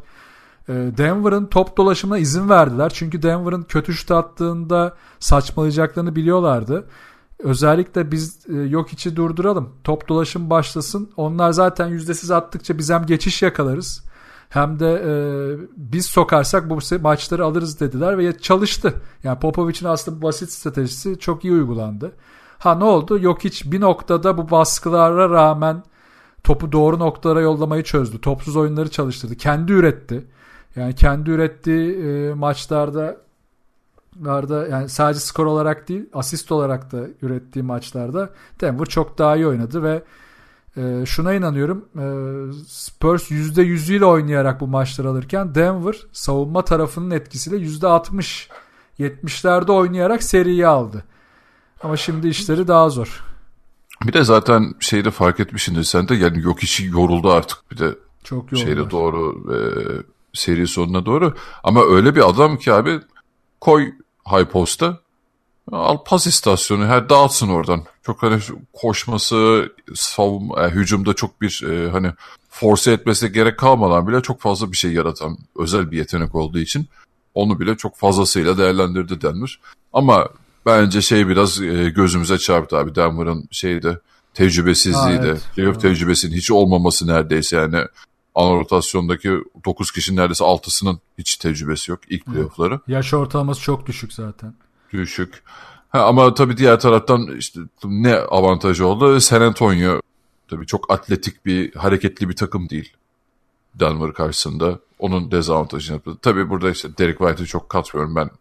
X faktörünün biraz o olacağını düşünüyordum ee, zaten bu şey yaparken e, playoff tahminlerini Tahmin yaparken. evet. Evet ama onun haricinde de dediğin gibi e, Will Barton'ın çöküşü mü desek artık ona yani çok şey berbat bir şey e, seri geçirdi o da. Ama şimdi şey de merak ediyorum yani oraya geleceğiz. E, San Antonio'ya karşı bu kadar bocalarken hani 7. bir seride Portland'a karşı Denver'ı nasıl değerlendirmek lazım? Ben yani sabahtan beri bunu düşünüyorum ve net bir cevap bulamadım yani kafamda. E, Boston Bucks eşleşmesinden sonra hatta belki de ondan bile zor e, karar verecek durumlardan biri. Ben de zorlanıyorum yani bu seriye karar vermekte. Terkan ne demiş? 4-2 Denver olur demiş. 4-2 Denver. Ah, ya Portland böyle bir hikayeyle böyle bir rüzgarla gelmeseydi ben de 4-2 4-1 hatta Denver diyebilirdim. Ama şu an acayip bir rüzgar var. Aşırı yorgun bir Denver var. Tecrübesiz bir Denver var. Ama bir yandan da şunu düşünmeden edemiyorum. Yani sen de bahsettin işte hani Oklahoma'nın vuracağı o pota altı boyalı alana hiç vuramaması. Ama Denver'ın da oraya Denver vuracaktır. evet. işte Denver hem vuracak hem de vurabilecek çok silah var. evet. Millsap, Jokic, kısaların hepsi herkes gidebiliyor. Herkes e, bitirebiliyor. Burada biraz işte bu sefer kilit oyuncu kısmı biraz Cemal Murray'e kayacak gibi. Yani Cemal Murray'nin o inanılmaz patlayıcı driverlarının çembere kadar gitmesi, e, biraz daha floaterların etkili olması ki orada işte e, Enes varken ya da diğer uzunlardan biri varken Portland'ın savunması çok zor. O yüzden çok önemli ama Portland da bir yandan işte yine kötü şut attığı maçlarda Denver çok fazla geçiş bulacak. E, onları çok zorlayacak. De, geçiş savunması da çok kötü Denver. Bunu yapamıyor yani. Bunu, bunu Spurs'a karşı bile yapamadı geçiş savunmasını. O yüzden Ki en yavaş oynayan tak yani en atletik olmayan takımlardan biri yani. Spurs'da bu şey playoff ortamında. aynen öyle. Ona rağmen bile sıkıntı yaşadıysan Portland'da yani iyicene cilalanmış McCollum ve e, seninle nasıl olur? Onu ben de çok kararsızım. Burada işte Denver'ın e, her şeyden öte bence şu belirleyecek seriyi. E, en kritik konulardan biri. E, Gary Harris de muhtemelen olacak. Bu Cemal Murray de yer yer olacaktır. E, Lillard savunması. Yani Lillard'ı savunmaları birebir savunmaları değil sadece Lillard'ı savunurken şimdi normalde Denver e, bütün tepe roll'larını show up yapıp recover ediyor. Yani Jokic de olsa, Plumlee de olsa, Millsap de olsa ilk amaç orada hızlı biraz yakın biraz uzak bazen oyuncunun e, tercihine göre yani hücum oyuncusunun e, tercihine göre şekillenen bir show up var. Şimdi bu show up'ı yapıp recover etme sürelerinde çok sorun yok. Ama işte Lillard orada kendini geliştirdi. Yani bu show up geldiğinde e, arada mesafe kalırsa ya da bir boşluk bulursa burayı delebiliyor. Ya da işte show up biraz aşağıda kalırsa şutu atabilir. E, çok kritik bir nokta. E, burada Lillard'ı belki de show up'tan da öte biraz daha sıkıştırmaya itmeleri lazım doğru açıyla. İşte bu Gary Harris'te savunurken ki Gary Harris'te şunu da atlamayalım. Gary Harris piklerden de iyi kurtulabilen bir oyuncu. Yani Portland'ın pik kalitesi Nurkic yokken aslında düşük. Burada Oklahoma çok sıçtı ama e, doğru pick and roll açılarını bulamazlarsa yine Gary bunlardan kurtulup Lillard'ı yine iyi savunabilir. Ya da Cemal Murray için de geçerli aynısı. Ve diğer bir konuda Denver'ın bu savunmanın üstüne yani Lillard'ı durdurduktan sonra yine pas açılarına yapacağı ya da ilk paslara yapacağı baskı. Diğer oyuncuların topu almasını engellemesi yine çok önemli olacak. Ee, yani ana belirleyici bence bu olacak ya. Yani Portland'ın en önemli hücum silahıyla Denver'ın e, yapması gereken en kritik hücum. Denver tarafında tabii bir de önemli konu üçlük yüzdesi. Üçlük yüzdesini düşürdüğü anda Portland e, Abi öne geçebilecek. %10'la falan atarsan E, tabii. yani Lillard hani güle güle der sana orada. Bak mesela şu ilginç bir durum. Playoff'ların genelinde Portland %40'la Denver %39'la üçlük attı. Portland 5 maçta Denver bunu 7 maçta yaptı. Evet. Baktığında çok kötüydü ama kaybettikleri maçlara baktığında hepsinde kötü üçlük attılar. Şimdi o e, sorunu ortaya koyuyor. Çünkü top dolaşımı başlayıp bu üçlükleri bulamadıkça e, Portland'a geçiş hücumu verecekler.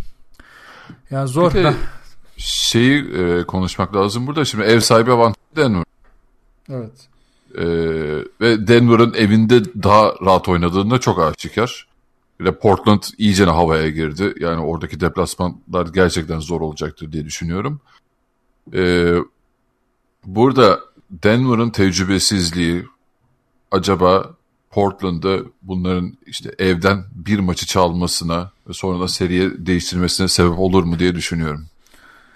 E, bir maçı çalarsa evet e, 4-2'ye bile gidebilir ya. E, tabii 2-1 evet gidebilir. O bir Neyse, maç çok çok- kritik olacak. Sürekli lafı dolandırıp duruyoruz artık bir tahmin yapmamız Tahmin gerekiyor. yapmamız lazım. Ee, sen ne diyorsun? Sen söyle. Of. Zor. Valla ben Portland'a daha yakınım ya. Vay. Ben 4-3 Portland diyorum. 4-3 Portland. Ben işte bu trene bineyim mi binmeyeyim mi? Yani şimdi ergen yanım diyor ki abi çok etkilendin. Hiç kendini kısıtlama. Sen de etkilendin. Yalan söyleme. Çok iyi oynadı Lillard. Ver gazı geç diyor. 4-2 4-3 gibi Portland'da. Abi o buzzer beater'dan sonra Lillard'ın kameraya baktığı an gözünün önünde değil mi şu an? Böyle Kesinlikle kafayı kaldırıp. ya. Yani evet. Ee, Ki ben böyle şeylerden çok etkilenmem ama çok etkilendim. Bu, bu seride etkilendim evet. Yalan söylemeyeceğim. Yani o güle güle yapması. Oğlum o da nasıl bir soğukkanlılık lan. Ben olsam hani şortu formayı falan parçalarım herhalde orada. Çırılçıplak koşmaya başladı. ya ya çıldırırsın canım ya onu hayal edemiyorum. Ama bir yandan da mantığım diyor ki abi Denver e, boyalı alanda çok daha etkili olacak. Bir de üstüne şut sokarsa Portland bir anda silinebilir. Üzerine iyi savunma yapma şansı çok yüksek falan. Ya çok aradayım ya. Yani e, hadi ya Boston'a attık. Burada da yine şey yapalım. Portland diyeceğim herhalde. Vay. Portland 4-3 Portland. Vay sen de bendensin. Evet şey yapamadım.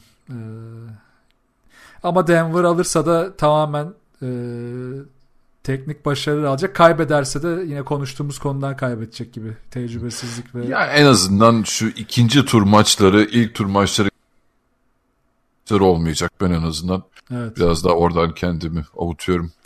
Gerçi bize zor abi. 7 maça uzadıkça daha çok maç izle. Bitiyor. Ben yıprandım ya. Yemin ediyorum bittim Yani ya. neyse en azından şey e, Euroleague şimdi bir araya girecek ya ben de oradan biraz şey yapıyorum. Evet. Nefes alırız diyorum. İki playoff üst üste geldi ya eyvah dedim yani kafayı kaldıramadık gerçekten. Aynen ya. Yani kaç maç izledik abi? 30 40 maç falan izledik galiba. Yani kaçırdıklarımız da var ona rağmen. Yani bittim ben. Beynim döndü. Ya gece rüyamda şeyi gördüm.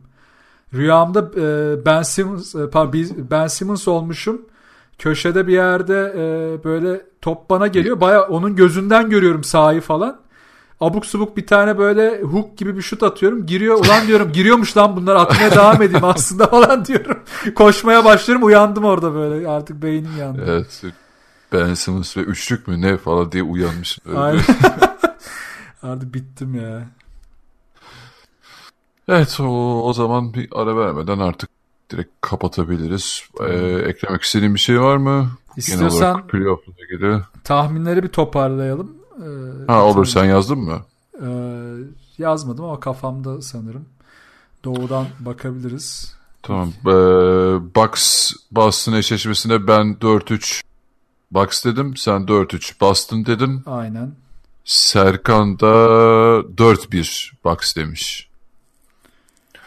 Ee, şeye hepimiz galiba Toronto Philadelphia eşleşme- eşleşmesine 4-1.